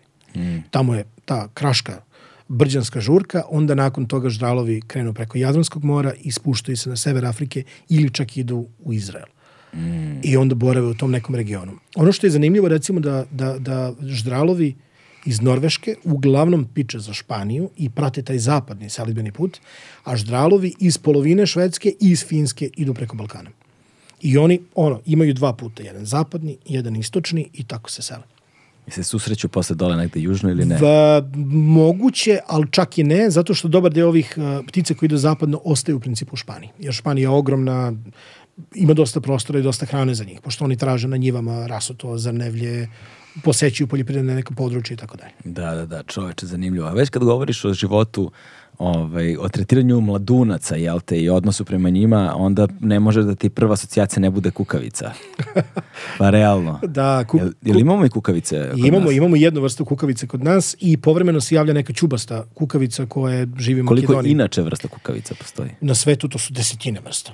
Da. Bukvalno, desetine vrsta i svaki, svako područje u svetu ima neku svoju kukavicu. Pazi, pošto ja znam kukavice samo iz dokumentarnih filmova, znaš, i onda znam da je uvek ono mladunče kukavica u tuđem gnezdu, ma da ti ćeš da ispričaš priču bude drastično veća od ovog drugog. Od, od, od, od ali ne znam kolika kukavica zapravo po veliči, u veličini. Posto, postoji nešto što se zove imprinting ili navikavanje na sredinu, na roditelje i tako dalje. Evo, krenut ćemo sad od ovoga. Ako se kukavica, mladunac, izlega u leglu strnalice žutovaljke, kad se vrati sledeće godine iz Afrike u Evropu tražiće da, recimo ako je ženka, tražiće da položi jaja u gnezdo strnadice žutovaljke. Mm. Jer oni u nekoj meri i, i doživljavaju svoju vrstu kao sebi blisku, ali u principu traže domaćina koji je onaj koji je bio njihov domaćin tu gde sam se ja izlegao, to je neko pravilo. Kod ptica često tražim isti tip gnezda na sličnom mestu, na sličnom drvetu, tu ću i ja, gde su bili moji roditelji i tako dalje. I onda kreće žurka da ti prvo nađeš to gnezdo, a male ptice pevačice, uglavnom one, one to znaju, one znaju da preti opasnost. Jel, pazi, ta stanarica ili neka druga, recimo trstenjak, on je leteo sad ono 30 dana iz Afrike, prešao 7-8 hiljada kilometara da bi ga zeznula neka kukavica, pa nije lud. On će gledati da zašteka to gnezdo, da, da, ga niko ne vidi, pa ide nekim sporednim putima i sad ova ga prati i gleda, osmatra par dana, dođe do gnezda, vidi koje su jaje i šta je fora. One prilagođavaju veličinu, oblik i šare na jajima potencijalnom domaćinom. Wow, ajde samo objasni za ljude koji ne znaju, dakle, šta, ka, šta kukavica zapravo pa radi. Pa, gledaj, gledaj sad ovako, kukavica je ptica ovoliko dugačka, a neki, recimo... Znači, neki 40 50 Da, recimo, a, a, a trstenjak cvrkutić je dugačak trećinu toga. Da. I logično da njeno jaje bude voluminozno, da je mnogo veće, da je krupnije, da, da je drugačije drugog oblika. Međutim, ona, ako je navikla, ako targetira tu vrstu, ona će praviti jaje koje liči na njegovo slične veličine, slične boje, čak sličnih šara. Jer svaka vrsta ptica ima drugačije, uglavnom ima drugačije šare. Ali čekaj, da li to onda znači da kukavica koja se rodi iz takvog ajeta bude manja ili bude iste veličine? Iste veličine, ali gledaj sad, gledaj sad ovo. I sad njoj je poenta... Samo, samo sekund da kažemo ljudima koji ne znaju. Kukavica zapravo kada snese jaje, postavi ga u gnezdo tuđe, druge ptice. Absolutno. Druge ptice podmetne i onda ostavi drugoj ptici Da, da, se da. brine. Da se brine o potomstvu verujući da je to njeno. I sad šta je fora? Ludilo. A, On... a, ne, a neretko i taj mladunac uh, istera druge, njene prave ptiće iz gnezda da bi svu hranu uzeo za sebe. Ona dođe, nađe gnezdo u kome sad imaš 5, 6, 7 jaja i samo jedno izvadi, pojede i snese jedno svoje. Zašto je to važno? Da ništa ne bude sumnjivo. Ptice broje. Da. Svaka majka kad se vrati na gnezdo, ona broji mladunci i broji jaja. Ako nešto nije okej, okay, ona alarmira okolo i možda ih i napusti. Mm. Dakle, ona uzme jedno, jedno snese i ode. To traje svega nekoliko minuta. Ona odlazi, taj mladunac, šta je poenta? Izlaže se brže nego vi ostali, brže napreduje, krupnije, više jede i onda lagano te mladunce izbacuje napolje. U principu, čak i da ih ne izbaci, on će ih ugušiti, jer on je veći pet puta. Da. Nema mesta, to gnezdo, mi govorimo o trstenjacima, gnezdo je ovako malo. Da, da prečeka 10 cm. Kukavica na kraju pred izletenje bude ovolika. Da, bude... Dakle, ona visi sa tog gnezda. Najluđa priča ove godine, apsolutno ikada, javlja nam se čovek iz okoline Valjeva i kaže, imam u strujomeru gnezdo neke ptice, ali malo je neobična. Crna crvenrepka, koja je inače redovna ptica u naseljima, kod naseljima i gradovima, je napravila gnezdo u starom strujomeru i uvukla se nekako, znaš, iza onih vratanaca i on šalje, ako pošalje fotografije, kukavice u strujomeru. Da, da, da. da. Potpuno ludilo. Jedna bucka onako, onako gleda u njega, on je ispratio do kraja, ona izletela. A roditelji da staviš tih šest, sedam roditelja zajedno su lakše nego ona sama. E sad zamisli foru koliko oni rade u toku dana da je nahrane. To ono kad kažu ljudski roditelji kao razbih se, sve mi pojedaše. Da, da, da kao da, radim da, da. samo za klopu za decu. Ovi se razbije. Oni moraju da love insekte, gusenice, ko zna šta sve, hiljadu puta dnevno. Da zadovolje ta usta koja samo zjape. Da, da, da, da. da. I to, to je neverovatno. Koliko kuc, kukavica ima kod nas? A, misliš brojčano? Brojčano. To je desetak hiljada parova, recimo, ne više. Ali je poenta što je njihova uloga u prirodi, recimo, jako zanimljiva. Onda ljudi kažu, ja, znaš, kao ne pravi gnezda, otima drugim pticama ovaj, prostor i tako dalje. Nisu sve uspešne. Neke ptice provale da to jaje nije baš savršeno i izbace ga napolje. Mm -hmm. Neke čak izbace i mladunca napolje, ali to sad sve zavisi. One koji budu uspešni imaju neverovatnu ulogu u prirodi. Kukavica je praktično jedina ptica koja jede dlakave gusenice. Jer te velike, krupne dlakave gusenice su od vrsta noćnih ili dnevnih leptira koje prave, recimo, ogromne štete na biljkama, jako brste ovaj, lišće i, i sve ostalo, mogu da bukvalno obrste cele šume. Međutim, kukavice su se prilagodile da im te bolje ne smetaju. Odgovor leptira i drugih insekata da ih ptice ne jedu, da, da imaju bodlje. I ptica kad krene da jede, on nju to smeti i ostavi ga živog. Međutim, kukavica je to prevazišla. Tako da je ona je kompenzovala to što nekom zezne leglo i gnezdo time što vrši fantastičnu ulogu. I one su već otišle kukavice već u drugoj, u početkom jula odlaze mužjak posebno, on nema nikakvog posla, on je svoje završio i mi gledamo sad recimo naše kolege iz Britanije imaju male satelitske odašiljače na kukavicama, jedno je došlo do Crne Gore, Mhm. a ostale su uglavnom išle preko Italije preko Španije, tako da one sad već su negdje u Africi. Wow, čače, koliko, znači svaka ptica, ovaj, svaka vrsta ptice je zapravo priča za sebe u potpunosti. A, Pa svaka vrsta ptice je jedna enciklopedija. Da, da, da. I nikad dovoljno ispričana, jer koliko da. god da zagrebeš, koliko god je neko inovativan, koliko god je neko maštovit, mm. da, da uzme da se bavi nekom temom, doći će do nekih novih da. stvari o kojima nismo razmišljali. Hajde sad da se pozabavimo onime, znači prvi put kada sam pomislio na temu ptica je zapravo bilo pre nekoliko godina a, moj dobar prijatelj, pozdravljam ga ovom prilikom, a, Peđa Vučković, a, fotograf, ovaj, dugo godina je bio i dalje jedan od glavnih svetskih Red Bullovih fotografa,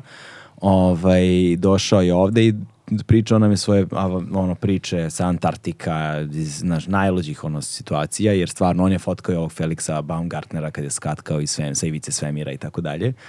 Možete pogledati tu epizodu, potražite Peđu Vučkovića. Uh, Ovaj, a, I baš taj dan kad smo mi snimali, odnosno dan kad smo mi objavili epizodu, ovaj, jako veliki broj ljudi nas je napao jer igrom slučaja tog istog dana je, je došla informacija da je neko prelet, da je prelet helikoptera bio na uvcu nekakav i da je tim preletom poubijano ne, ne znam koliko uh, ovih beloglavih supova.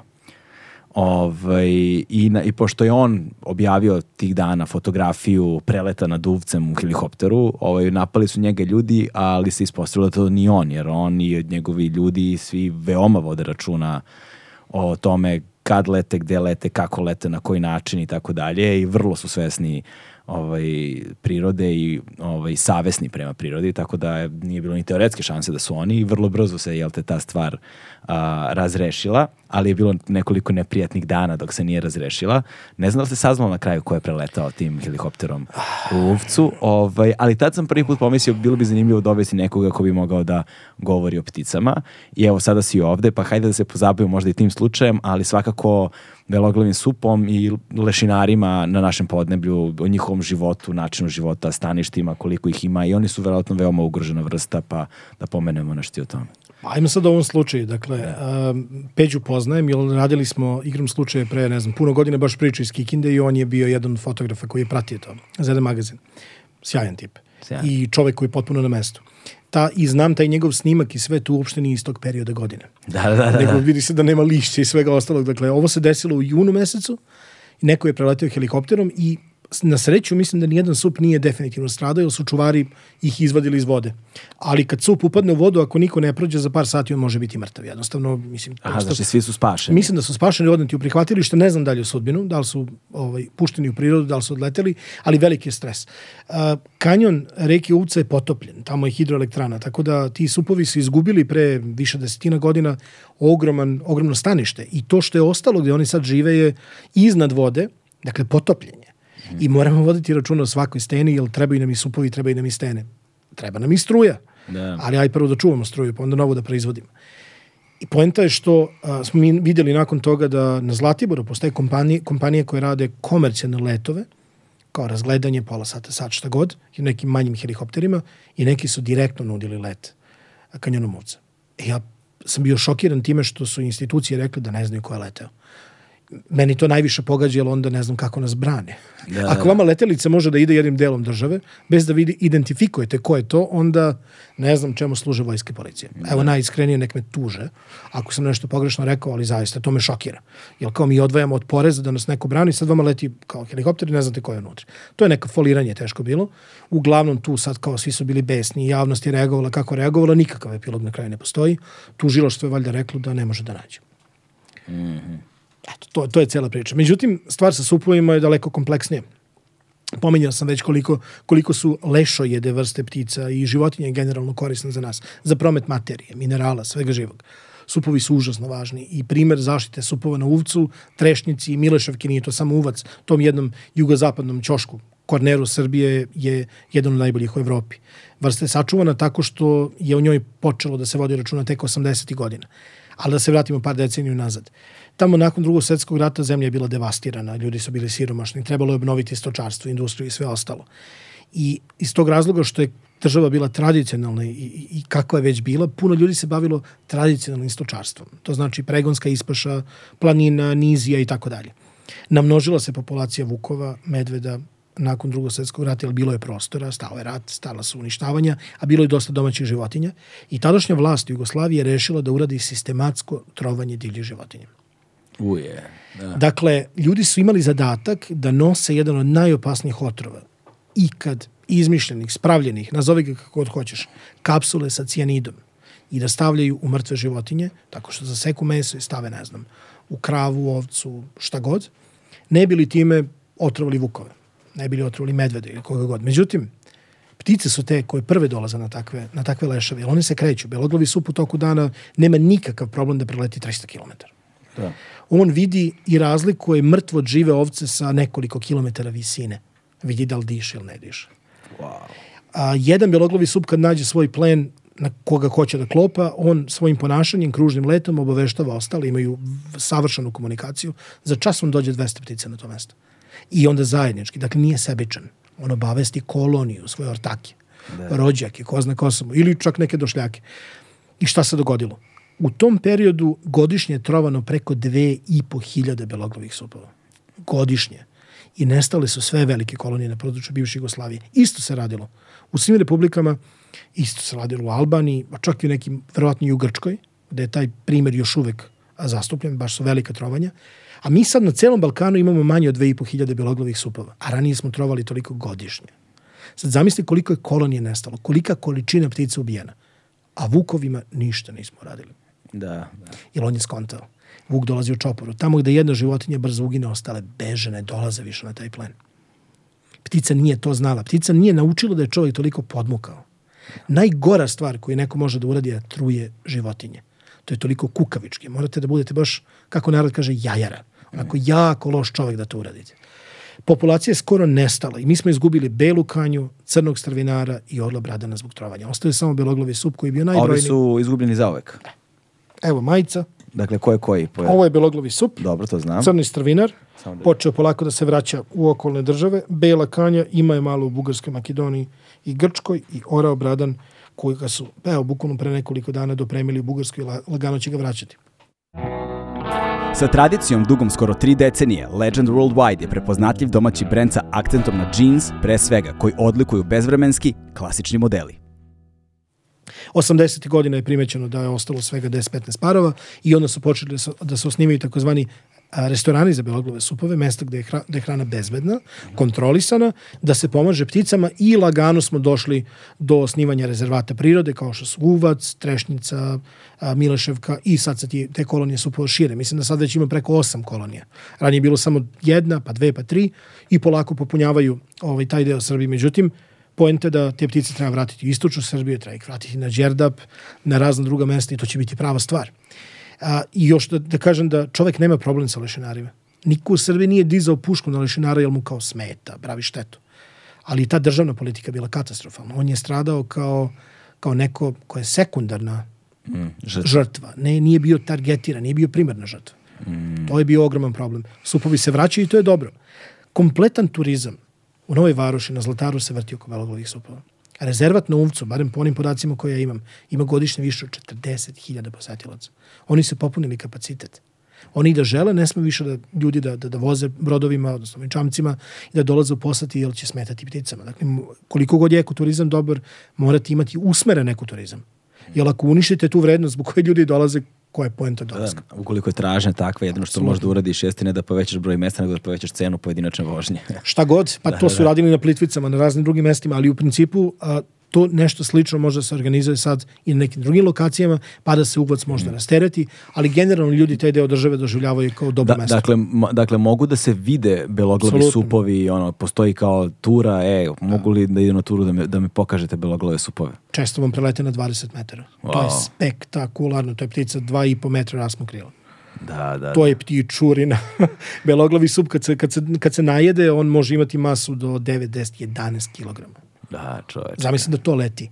Da, da, da, da. da. Tako da to ba, to je baš moćno, wow, to je neverovatno moćno. Šta sve, šta sve treba tek da se vidi za života, da. što još nisam video, a da ne mrdem ni 100 km ono od kuće. Absolutno. Dobro, ima više od 100 km, ali bez obzira da, to je fascinantno, wow. Inače da dodam samo da su lešinari ranije viđeni na kulama Kalemegdana i da su dolazili u Beograd, uključujući orla Bradana, jedan je pao E, nije mogao da poleti tu kod Zemuna i umlatili su ga motkama, ali tipa pre 150 godina. I lešinari su bili redovni na kulama Kalemegdana dok je bio tako stari grad, zato što je tu u gradu je živeo ko je živeo, okolo su bile kasapnice, bile su domaće životinje, ljudi su izbacivali taj višak mesa. mesa okolo i oni su silazili i jeli. Istu situaciju sad možete vidjeti, ne znam, u Etiopiji i nekim drugim državama, da vam orao bradan bukvalno hoda kroz naselje i traži gde ima hrane. Pošto jede kosti, pokupi neku kosku i ode spektakularno. Ovde ne možete da ga vidite, tamo je tu među ljudima. Čovječe, kakav je njihov želudac kad oni jedu, šta oni jedu? Možda zamisliš koji je to peha. To, ti, to se bliži jedinici, ono bukvalno uđe kost i to je to. Da. Stvar je celo. Da, pošto oni ne, mo, ne, ne mogu da je sažvaću, nego, ali oni da, isto imaju dva želuca. Imaju dva, ali je mišićni, i, i ovaj želudačni, da. da. Odnosno, mišićni ovaj i, i ovaj, um, bože, žlezdani. Ali je, poente, poente u tome da oni, osim toga što je jaka kiselina koja vari tu hranu, takođe ubija sve. Dakle, razne, da. razne to... bakterije, virusi koje bi škodile nama ljudima. Ili... Trulo meso kad jedeš prosto, mislim. Bez problema. Znaš, što je to za lešinare bolje. Da, da, da. za životinje u principu potpuno sveže meso bez veze. Zato što mi govorimo o proteinima koji su dugački lanci. Kad meso truli, kad malo tukne, da. što kaže Rambo Madeus, ovaj, onda se ti lanci raspadaju bolje svarljivo. U principu meso koje malo odstoji, kad sazri, je bolje nego ono koje je potpuno sveže. Da, samo treba živeti kao starvinar. Pa dobro. Kako ko? Ma da nismo tako daleko u prošlosti bili ono, praktično starvinari, da, da se, znaš, da. da se, da, što se kaže. Ovaj, koje su sve, sad govorimo o crvena knjiga, jel te, faune, faune Srbije, sad ne govorimo, jel te, celokupnoj ono, fauni, ali a, a, koje su najugroženije vrste a, na našim, na našem podneblju ovaj, i koliko su zapravo ugrožene i šta je to što treba se desiti da bismo promenili stvari? Pa uvek krenemo od onoga što je nestalo. E, mm. Mi imamo tu neki sijaset vrsta koje su nestale. Kad kažem nestale, više se ne gnezde. To je recimo mala droplja, to je recimo bradan, to je crni strvinar i tako dalje i tako dalje. A, bela kanja koja se takođe ne gnezdi. I te vrste možemo da vratimo ili ne možemo da ih vratimo. Za neke ima mesta. Za strvinari ima mesta ili još uvijek ima stadnište, ali za malu droplju je kasno. To što su nekad bile stepe gdje ona živjela, sad su njive kukuruza, soje, pšenice, suncokreta. Ona tu ne može da živi njih možemo da vratimo. Nakon toga dolaze vrste koje su kritično ugrožene, gde je verovatnoća njihovog iščezavanja je ogromna i gde je vrlo mala brojnost. To je recimo velika droplja. To je najteža i najkrupnija letačica u Evropi. Koliko je ona velika? Ogromna. Mužjak velike droplje visok, recimo kao dete u petom, šestom razredu. Dakle, Osnovne škole. Mora, moram da proguglam sad pričati i ovaj, slušam te ja. Onda, recimo, jedna od naravno kritično ugroženih vrsta kod nas je orao krstaš, za koga čvrsto verujemo da je na wow, nacionalnom garbu. Wow, kako ptica velika droplja. Da, da, da prelepo. Nisam Njih isto imaš kod Kikinde i možemo i to da, da posetimo, da wow, da vidiš. pa, ne, delo ovako kada je vidiš I veliko. znaš koliko ih ima? Osam komada. Wow, osam komada. Cela populacija Srbije ovoliko. Cela populacija Srbije. A nekad su bile hiljade hiljade ptica, sad je samo osam komada i godinama je tako, tako mala brojnost i to je već kritično i sve su ženke. Dakle, nema razmnožavanja. To je veliki problem. A krstaša, kad sam počeo da se bavimo tom vrstom, 2016. godine bilo dva jedan par. Sad smo došli do toga da imamo osam parova i sijasat mladunaca koji lutaju. Tako da ta gnezda smo fizički čuvali 24 sata. Od početka marta do sredine jula imali volontere koji su bili u šatoru, kam kućice, kako god, i gledali to jedno gnezdo. Jer ako neko prođe traktorom ili čoban dotera stado ovaca, uznemiri ih, gotovo, napustit će leglo. To je, to je samo primjer koliko je priroda u stvari osetljiva kad je dovedete da na, bukvalno na sam rub opstanka. Dobra stvar kod krstaša je ta što je populacija u Mađarskoj preko 200-300 parova. Mi dobijamo lagano njihove ptice. Ali moramo sačuvati i ove koje su već tu. A velika droplja? Velika droplja je bukvalno na tom jednom velikom području ste, odnosno Slatina, pomalo stepa, njiva na tromeđi između recimo Mokrina kod Kikinde, Malog Iđoša i skroz gore do mađarske, odnosno rumunske granice. Tu se negde otprilike kreću. Ima poseban rezervat prirode koji se zove Pašnjaci Velike Droblje.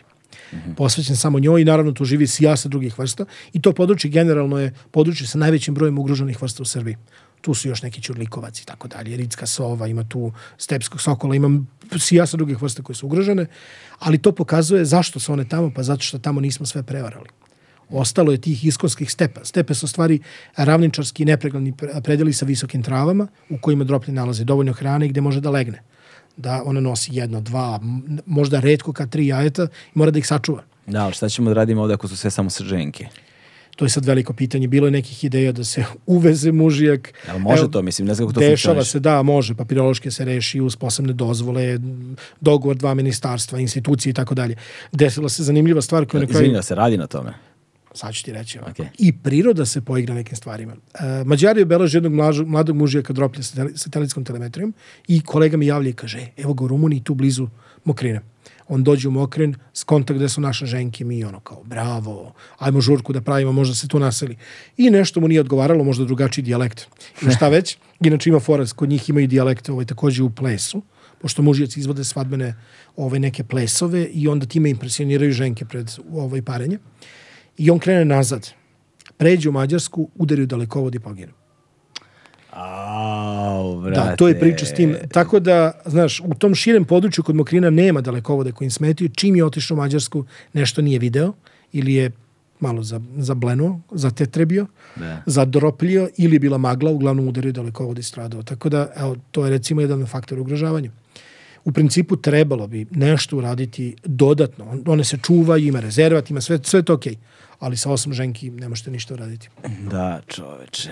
Koje su još kritično ugrožene vrste kod nas? Recimo, orao kliktaš, imate ga ovde u blizini Beograda, tu oko ovaj, šuma, tu kod Sočina, Jakova, u tom kraju, Stepski ovo je, Sokol. Ovo je jedan od onih trenutaka kada žalim što ne mogu da ono, imam neki ekran ovde da gledam, ali kada, moram da progovorim orao kliktaš. Da. Akvila pomarina. Wow, kako lepa ptica. Izuzetno lepa. Wow, Nekad ga je bilo lepotica. navali, bilo ga na Kosmaju i tako. Uglavnom je tijem nizeskom Orla kraju... nikad nisam video. I to ćemo da rešimo. Da, mislim, video sam u kavezu ono jednog i to je to. Orao klikneš. I, i, i orao, boga mi impresivno deluje, samo kad ga vidiš ovako. Da, da. Kamoli u letu. U letu nikad nisam video orla. Čekaj, koliko orla klikta, kliktaša ima? Pa imamo, ja mislim, sad trenutno manje od 15 parova ovi podaci su do 2019. Um, godine, nakon toga smo još radili reviziju, ali manje od 15 parova. Uglavnom su tu u dolini Save, Dunava, nešto malo istočne Srbije, koji par samo zapadne Srbije, ali on nestaje bukvalno. Crna lunja nam nestaje. Crna, crvena lunja je iščezla vrsta i tako dalje i tako dalje. A šta je lunja? Lunja je ptica grabljivica. A, vrlo, grabljevica, I okay. vrlo, vrlo zanimljiva, a, elegantnih dugačkih krila i račvastog repa. Uh mhm. -huh. a, inače, ovaj, um, zanimljiv je naziv, recimo, ja, ja, ga volim zato što na nemačkom Milan znači lunja.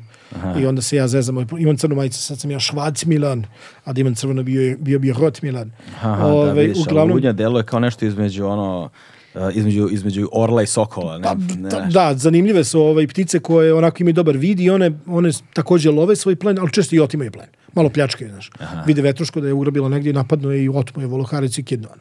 Da, Zanimljivo da, je, da. kao recimo je tako, ali njih je bilo ovde, u recimo Crne Lunje ima tu u Pančevačkom ritu, po, pojavlja se povremeno tu Beljarici, ovo što je mm. ovaj, naravno uzvodno tu sa preke strane ovaj, Dunava, to je izuzetno zanimljivo vredno stanište, tako da tu sali crvena nam je nestalo. Koliko ih je vjerojatno videti, koliko si tamo boraviš crnu, pravo? Pa crnu lunju možeš videti u toku dana sigurno.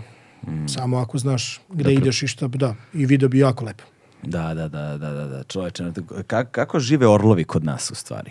Ono, kakva su njihova staništa, um, koliko, koliku površinu, koliko im je teritorija koju prelaze, ovaj, koliko lete u toku dana, ne znam. Ono, evo, evo sad, ajmo par, par nekih anegdota. Koliko se hrane. Da, da, da. Postoji velika razlika između, naravno, od vrste do vrste i od, po tome kako one biraju stanište. Recimo, orao zmijer. Samo ime kaže da uglavnom lovi, lovi ovaj, gmizavce zmije, ja. guštere i tako dalje, prilično krupan. Šta I, znači to? Pa prilično krupan, to je raspon recimo do 2 metra. Do 2 metra raspon krila. To je Ozbiljna ptica, da. sa zmijerom se nije šaliti, ali on niti agresivan, on je onako mekan, ona, da, da. što bi se reklo. Ne lovi neki zajban plen po koju izmiju otrovnice. Koliko li je njihov vid dobar u odnosu na sove, na primjer? Fantastičan. Pa sad ti zamisli recimo da letiš nekim prostranstvom gde je neki kamenjar, livade, pašnjaci i treba da skontraš zmiju koja se sklupčala i sunča se. Da. Znaš, da li je to kamen ili je kora od drveta, a ti si gore recimo na 500-600 metara. Zmijer ima fantastičnu osobinu da lebdi u mestu. On je onako beo uglavnom sa nekim brown površinama i tačkicama, lebdi u mestu, da. pomera da. glavu i obruši se i uhvati svoj plen. Oni su selice, prave selice. Oni odlaze u Afriku, dole malo klopa kobre i ko zna kakve zmije i onda se vrati ovde i juri smukove, belouške, poskoka, šarku, šta već nađe, zelenbaća, guštara i tako dalje. Ima ih tu u blizini na Vršačkim planinama, Delibetskoj peščari, povremeno na Fruškoj gori i naravno ima ih na Uvcu, na raznim planinama kod nas. Dosta putuju. Oni su ono prave selice, a fora kod njih je što mladi orlovi zmijeri postaju polno zreli tek u četvrtoj godini i on od perioda izleganja, od kako ode iz Evrope, luta Afrikom i Azijom, dok ne skonta prostor. I tek četvrte, pete godine se vraća u Evropu. Wow. To radi i rode. Rodi imaju period maturacije, kad ne borave tu i onda se vraćaju. Masa vrsta grabljevica upravo, upravo to radi kad su u pitanju ptice selice. Dakle, negde moraju da one uče veštine preživljavanja. Uče šta je jestivo, šta nije jestivo, šta je opasno, šta nije opasno. I oni koji prežive pričaju i priču dalje. Svega 10% orlova preživi i dočeka polnu zrelost. Zato je svaka ptica podjednako užasno važna. I oni nose malo jaja. Orlovi, o recimo zmijer nosi jedno jaje. I to je to. Samo to je jedno. I ako mu, ako mu propadne tog neženje, ćao, puče sezona ništa nije uradio. A prave prilično loša, kilava gnezda, ne umeju baš lepo da ih naprave, nekad jednostavno jaje ispadne dole. E, znači... I, ili vetar, ove oluje sad, katastrofa. Kak, kakav evolutivni čor sokak, ono. da, da, ali vidi, i dalje ih ima, znaš, ne, neka fora postoji, ono. Ovo, ovaj, bilo je nekoliko ptice koje su obeležene, to su radili, radile naše kolege iz Vršca i Beograda, A, mislim da ovi od, od, od njih tri koje su obeležene, samo, samo jedna je preživjela te su stradale relativno brzo. Jednu su skontrali da neko upuca u nekoj afričkoj državi i vidjeli su da nose pticu kroz grad, autu i stavili su satelitska da došiljač na prozor. Sad ti ne možeš da uzmeš jedan došiljač koji košta hiljadu i pa evra, ne znaš koga da kontaktiraš tamo, možda i ratna zona, Da, da. Neko je zveknuo pticu, možda je pojeo, možda je bio trofej, da skine prsten, da, da, ne znam. Šta god. Tužna je priča. U principu, orlovi su uvek na meti. Oni su krupni. Vetrenjače, vetroparkovi. Znaš, krene neki jači vetar stradaju. Dalekovodi, to isto pratimo kao pojavu stradanja. Sletina dalekovoda koji je ravan teren, nema drveća, dalekovod je najviša tačka i s nje ovo Ako nije izolovan dalekovod, nula faza ili prečka na dalekovodu, stub i faza, elektrokucija, ćao. To je smrt u roku od ono, stotog dela sekunde. Tako da puno izazova ima, znaš, a da ne pričamo o pucanju na njih i tako dalje, što je ogroman problem. Ali evo daću jednu zanimljivu priču. I postoji populacija orlova krstaša u Makedoniji, koja je potpuno, da kažemo, drugačije izolovana od, od svih drugih država. I naše kolege iz Mađarske, koji su ono, potpuno genijalci, odu u Makedoniju da obeleže dva mladunca satelitskim odašeljačima.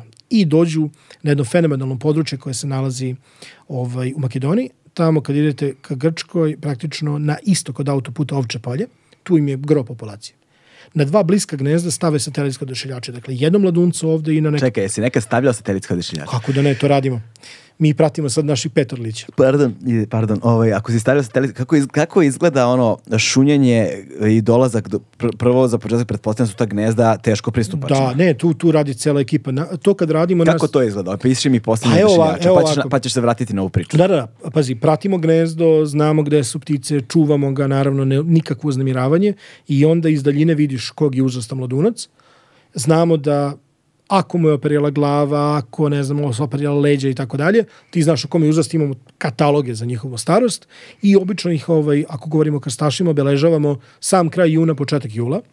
Onda targetiramo tako da ne bude mali, jer kad mu stavljaš, to je bukvalno kao backpack, kao ranac mu stavljaš na telo. Ako previše zategneš, ugrozit ćeš pticu. Mm -hmm šta to znači? Ako staviš na malu pticu i zategneš, ona kad raste, raste joj i zapremina tela koja nije dovoljna, ali tako? I onda napravimo problem o ovoj ptici. A ako staviš da je previše labavo, može da spadne. Ili da se zakači ptica za granu i da strada. Tako da moramo da pogodimo idealan period koji je jedan dan plus minus. Onda dovodimo alpiniste. Jedan dan plus minus. Plus, bukvalno, targetiramo svako gnezdo, pa nema zezanja s tim. U dan. Jer ako dođeš dan kasnije, on izleti i ode. I čao sa obeležavanjem. Kasno je. Znači, a to je govoriš o da- njegovom da, prvom letu. Da, bukvalno pred a taj, sam a taj prvi let. A taj prvi let, ono ide pravo za Afriku i onda ne, ne, tamo... Ne, ne, ne, slušaj sad. I onda do, dovodimo tamo ekipu alpinista, ovaj, nas koji obeležavamo, dozvole i tako dalje, oni se penju, spuštaju ptice u posebnoj torbi i na zemlji se ptice obeležavaju i onda vraćaju gnezdu. Roditelji su za tad, a, u tom periodu prilično daleko od obično, ovaj, recimo na kilometar visine i posmatraju. Nikada napadaju, samo gledaju šta se radi. Ako imaju prethodnog iskustva, cool, jer znaju da dolazimo godinama da ih vidimo, eventualno stavimo samo prsten i ono ostave nas na miru, naravno, gledaju, vrate se posle pola sata, nastave da ga hrane i to je to. Ovi mađari, a da, odašiljač, e, to isto da kažem, je posebno napravljen tako da ima solarni panel na sebi, i on se dopunjava kako se troši zbog slanja informacija. Dakle, imaš GSM ovaj, kartica unutra, ona u svakom trenutku, zavisi kako podesiš daje lokaciju gde se ptica nalazi. Pinguje. Ali, da, bukvalno, i onda šalje lokalnoj mreži, jel tako, za mobilnu telefoniju koja komunicira sa satelitom i satelit nama šalje. Kako izgleda taj odašiljač? Koliko on veliki? Odašiljač je recimo Evo, o, za orlove je dugačak možda... 2,5 cm, 7-8 cm, širok 2,5 i debeo 2,5. Mm -hmm. I fora je da to se tačno zna, ali tako da ne sme da pređe 3% mase odrasle ptice. Onda ne smeta. A zašto znamo da ne smeta? Pa ptice koje imaju odešiljjače se gnezde, pare, preživljavaju i tako dalje. Prosto prošli su test. Mi to radimo sa 15 godina za ostatka odnosno na druge države, ali koristimo testiranu opremu i tako dalje. Nije poenta da ugrozimo ptice, nije poenta da svakoj stavimo odešiljjač, već da nešto naučimo njima i sad dolazimo do toga. Čekaj, koliko alpinista treba za akciju da se stigne do gnezda? Pa zavisi koliko gnezda obilazimo u toku dana, ali dva čoveka sigurno. Jel zavisi gnezda se obično vrlo teško pristupačno. Nekad na ogromne koji su, Koji su vam to alpinisti? Su to ovi GSS-ovci ili e, ko? Ne, alpinisti su iz Novog Sada, imamo ekipu koja radi samo penjenje na drveće i oni, oni su najbolji profesionalci na svetu. Wow. I oni cele godine rade. Samo to. I nakon toga ne. Nakon toga rade sve. Svašto razivanje drveća, visinske radove, drugi i tako dalje. Ali žive za, za obeležavanje Orlova. Jel to je za njih koruna karijere. Da. Pozdravljam vladu i ekipu ovom prilikom. Pozdrav. Potpuni su genijalci. I oni kao žive za taj dan, da ih cimnemo ta dan, dva, da odemo. Čak su nam ovaj pomagali, nekoliko puta smo postavljali gnezda za orlove, napravimo metalna koja opletemo drvetom, da budu stabilna. Postavili smo preko 30 takvih gnezda. Da ne kao oni mentoli što nemoj da naprave Da, da, zmijeri što im padaju. Da. Ali ovaj, dajemo im i ovaj dodatne gnezda koje, na mestima na koje procenimo su kvalitetne da ne bi padalo i to im isto dosta pomaže. A nađu oni prepoznaju, znači, kako, kako da ne napraviš. Kako da ne. I neka ta gnezda nam ulaze recimo belorepaniku i ubacu unutra četiri 400 kila materijala. I gnezda nisu pala. Belorepan donosi ovako debelu granu. E, to je druže Marcina, znaš, ono, u njegovom gnezdu imaš da se greješ, ono, 15 dana, ono, koliko ima materijala. Kol, koliko kubika drveta, da, ludilo, za, za zimu ludilo, celo. ali ludilo, znaš, on donosi, trpa gore i to zida, ono, oni su blesavi totalno. Tako da ima, imaš tih raznih, raznih. U principu ptice, kad primete da im pomažeš, one, one to hvataju. Vraćamo se na krstaše. Imamo pet obeleženih ptica.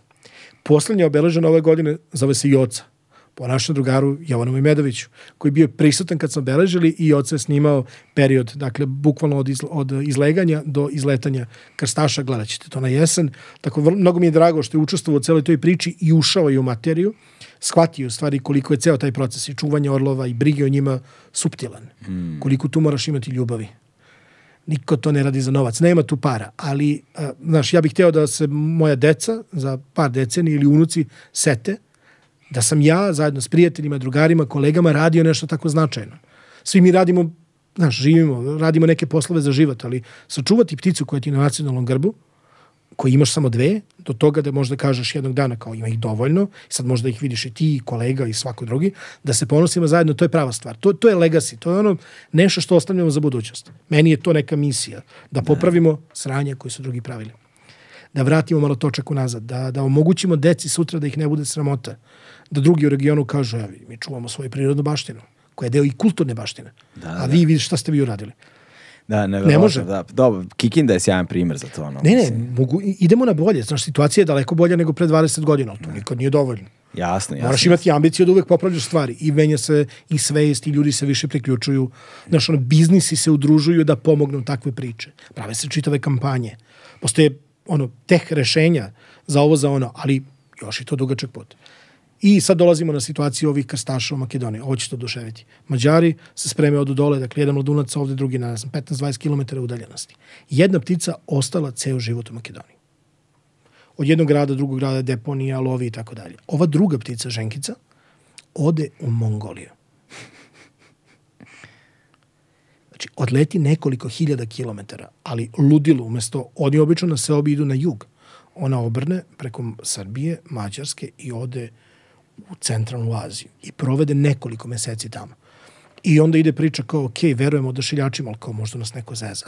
Da, da, da, da. I sačekaju je da se vraća odatle negde, gde je sve ludovala i dočekaju je u Mađarskoj i snime je. Dakle, tu je. Ona nađu gde je spavala, fotoaparat, isfotka i vidi se odašiljač i vrati se u Makedoniju na gnezdo. Ona ne zna gde ide i ona ne zna kad, gde da se vrati, ali se vratila. A znaš, ti sad ono, kad kreneš, ono, mi uključujemo Google mape, da. gubiš se u sobstvenom gradu, kao. Ptica... kako, kako se orijentišu one? Nešto na osnovu magnetnih polova? Ma imaš svega, pazi, ptice, recimo, ajde ždralovi rode, one, one pamte put. One bukvalno, zato je bitno da imaš te starije generacije koje te uče kuda se seliš. Mm pamte, vizualno pamte predele, reke, planine i tako dalje i naravno ta silna orijentacija koja se priča, da li to miris, da li, su, da li magnetizam, da li je ko, posebne neke ovaj sprave što kaže ko ima u glavi, ali, ali mislim da recimo mladi orlovi, posebno ženke kod ovih krstaša, mnogo više lutaju nego mužjaci. One hmm. sebi daju za pravo, recimo naša Mima koju pratimo već treću godinu, ona je otišla do Varšave zapali ovako, ode, ujutru bude kod Kikinde negde i sledeći, posle dva dana je u Varšavi, onda je ušla u Ukrajinu, krenuo je tamo, naravno rat je već bio, bila je u Ukrajini bukvalno sat i po vremena i vratila se nazad. Neverovatno. A pazi, to je ono kao jedan prosječan stanovnik u Srbiji neće videti za život to što je Mima videla za mesec dana. Da, da. da. I drugo, druga kuriozita za nju, recimo, a, jako voli da ide u Hrvatsku. I pozvam Na letovanje. da, da, ali pozvam naše drugare ovaj, Tibora Jalmu iz, iz Osijeka, koji su tu blizu Kopačkog rita, ona ujutru poleti iz okoline Kikinde ili Zrenjanina, ode na klopu u Kopački rit, u Hrvatsku i uveče se vrati da spava na mesto gde ona hoće. Koliko se hrane Verovatno. često orlovi? Koje su količine hrane? Mora, mo, mora i jesti skoro svaki dan, ako ne i svaki dan. Za pticu, recimo za krstaša koji ima 2,5, 3, 3,5 kilograma, neka dnevna doza bi trebalo da bude barem 400-500 grama jer oni puno lete, znaš, oni se puno troše. Za razliku, recimo, od surih orlova i, i ovih beloglavih supova i drugih strvinara, lešinara koji koriste vazdušne termale da lete. U ravnici nemaš ti termala. Mm. Nema tu puno prostora koji a, e, e, prave termale u smislu da se odbija toplota i topa vazduh, kao recimo kad imaš litice, stene i tako dalje. U ravnici se puno više aktivno leti i onda se više troši. Tako da u toku dana ako, ako pojedete kunicu, dve, dve, tri vrane, goluba, malog zeca ili tako nešto, to je okej. Okay to je, ba, nije to malo, znači finoni tamane čoveče svakog dana. Pa da, ali... Ko kontrola populacije je ozbiljna. Tako je, ali koja je uloga Orlova? Da li orao može da ulovi najbržeg i najsnažnijeg zeca? Ja mislim ne. ne. Ono kome je kriva noga, ono, ko, ono ko je bole, onaj ko je glup. Da, da, da, da. Ono što se nama ljudima ne dešava, mi čuvamo ovaj, glupi u svojoj populaciji, ali u prirodi je to neminovno. Znaš, ono, ti kao nisi sposoban da skontaš da je nešto opasnost. Nemate. Da, da. da. Eliminacija automatska. Priroda je brutalna. I samo najbolji opstaje. Da, da, da. I onda zapravo obezbeđuje da najsnažniji, najinteligentniji, najbolji opstaju i onda se to zapravo pretvara u večitu trku. Jer onda što su sposobni ovi što opstaju, moraju da budu sposobni i ovi što ih tamane. Tako je, ali priroda tako sebi daje da. na značaju. I ono što smo isto videli da na, na područjima na kojima se krstaš naselio u poslednje vreme, tu je najveća gustina plena. Dakle, nije sad da on istrebio, to često lovci kažu, jao, pojavio se šakal, poješće sve srne. Pa ako predator pojede sav plen, on će uginuti od gladi. Da. Ako vi nemate ništa u frižideru, šta ćete jesti? Onda odete na neko drugo mesto, pa tamo istrebite tu klopu, pa, pa gde dalje? Tako dakle, to su gluposti u principu. Priroda ima rešenja, ali se mi toliko mešamo u nju da stalno pravimo greške. Da, e sada, ovaj, ajde da pomenemo još jednu vrstu ptica, pa onda da pređemo na ove neke druge teme, ali ćemo se vratiti naravno ptice, jer nikad dovoljno informacija o pticama. Flamingosi, Burazeru, pričaj mi o flamingosima. Pa flamingo je ovako dosta ekstravagantna, neobična, ono potpuno šokantna ptica. Prvo zbog veličine. Ogroman je štrkljasti, savi u nogama i u vratu i tako dalje. Pa onda onaj oblik glave i kljuna i svega. Zašto je takav oblik glave? Zato što on bukvalno ide kroz vodu, kosi i filtrira slanu vodu. Mhm. U toj slanoj vodi se nalaze neki račići, su vrlo, vrlo mali organizmi, Bukvalno, ali samo u slanoj vodi koju on filtrira, oni su puni ovog eh, pigmenta, ovog keratina, koji u stvari njima daje tu boju.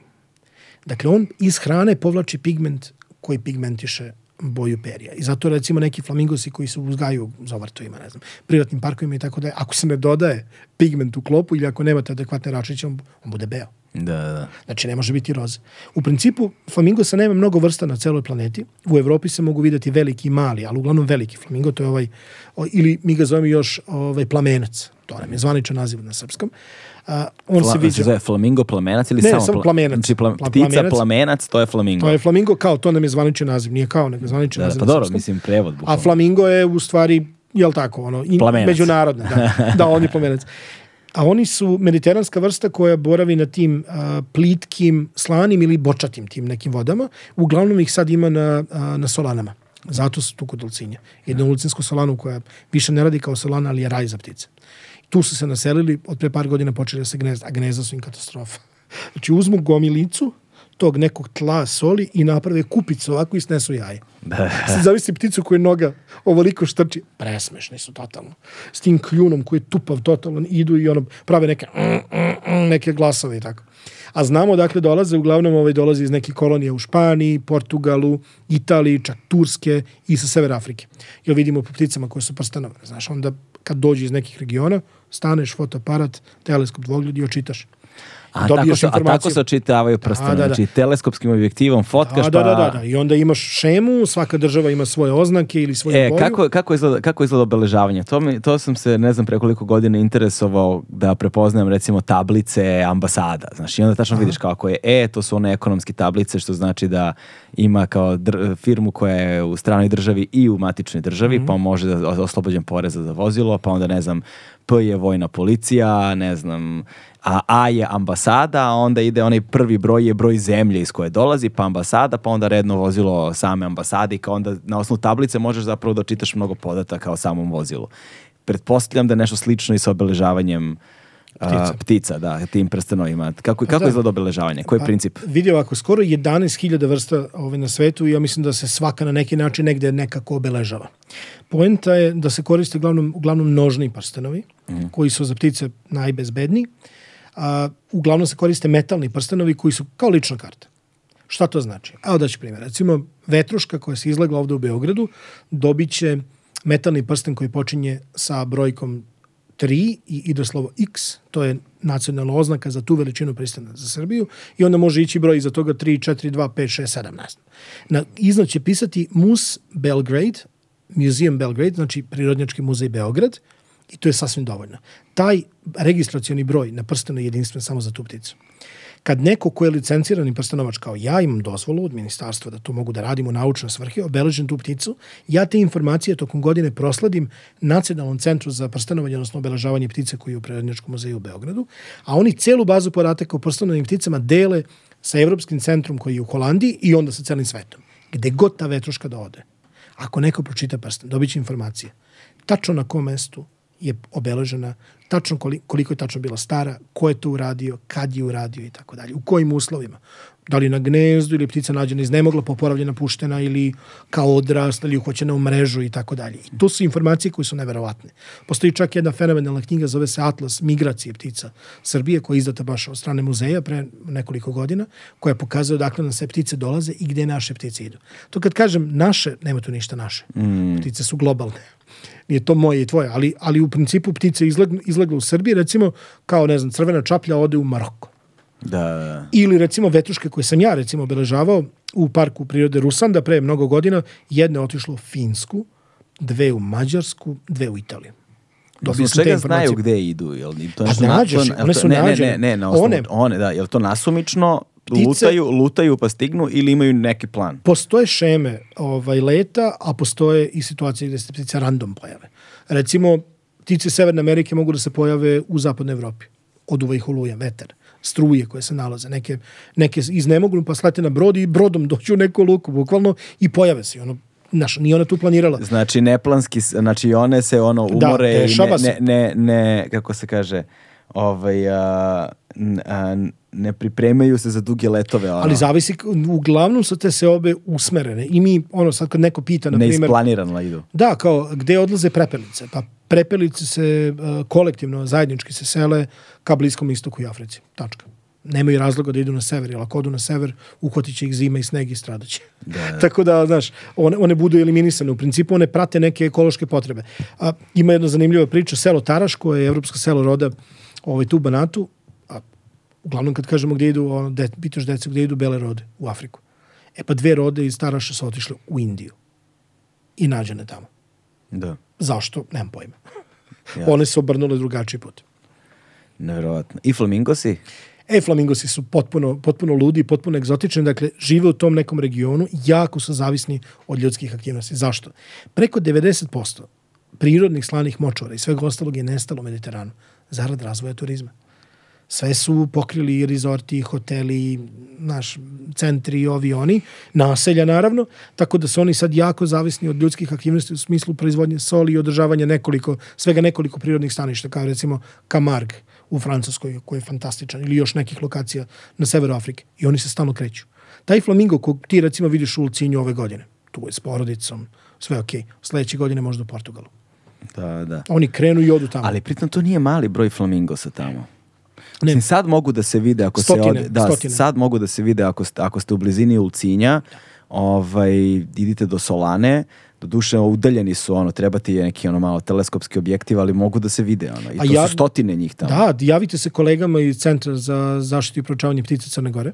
Oni imaju i opremu i vodiče i sve, to je naša partnerska organizacija, rado će pokazati. Oni jedva, ono, jedva čekaju da neko dođe. Dakle, ako ste u Crnoj Gori, a avgust je mesec, nema razloga, ono, verovatno dosta ljudi trenutno u Crnoj Gori na godišnjem odmoru, izdvojite jedan dan, spakujte se do Ulcinja, kontaktirajte ljudi i idite da vidite flamingose u prirodi. I mislim da, da u toku jednog dana na, na, na Ulcinskoj solani u ovom periodu godine, kad već dolaze ono ptice sa severa i tako dalje, možete videti čak do 100 vrsta ptica u jednom danu.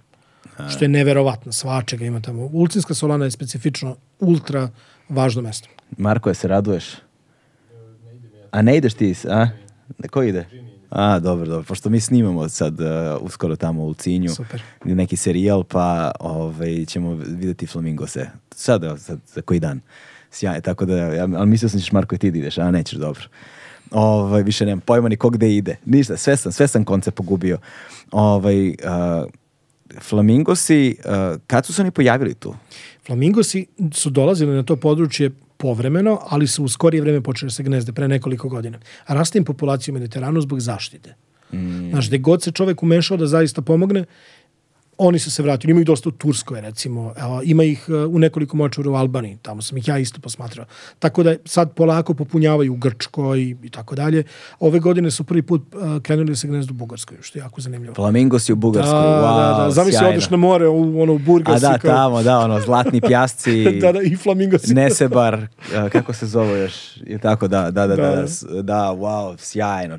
E, sad jedna tema koja je isto važna vrlo, o koji nešto manje, manje, koji nešto malo znam, zahvaljujući tome što su mi zapravo posredno sarađivali pre nekoliko godina kada je naša koleginica i prijateljica, pozdravljam ovim putem, ovim putem Petar Živić, radila zapravo priču o a, lovokradicama, o krivolovu, je tako? I jedan od segmenata te priče je zapravo bio i lov, lov, lovljenje ptica. Uh, a tada u tom dokumentarnom filmu sećam se da je glavna stvar bilo uhvatiti trenutak kada uhvatiti ih u krivolovu kako se zove, vabilice, korišćenje vabilice, ali tako. E sada, ajde, mislim, o Krivolovu ćeš ti bolje pričati, jer i, između ostalo je kada sam ovaj, se pripremao ja malo za ovu epizodu i kao tražio tvoje ime online, boga mi po lovačkim forumima te spominju.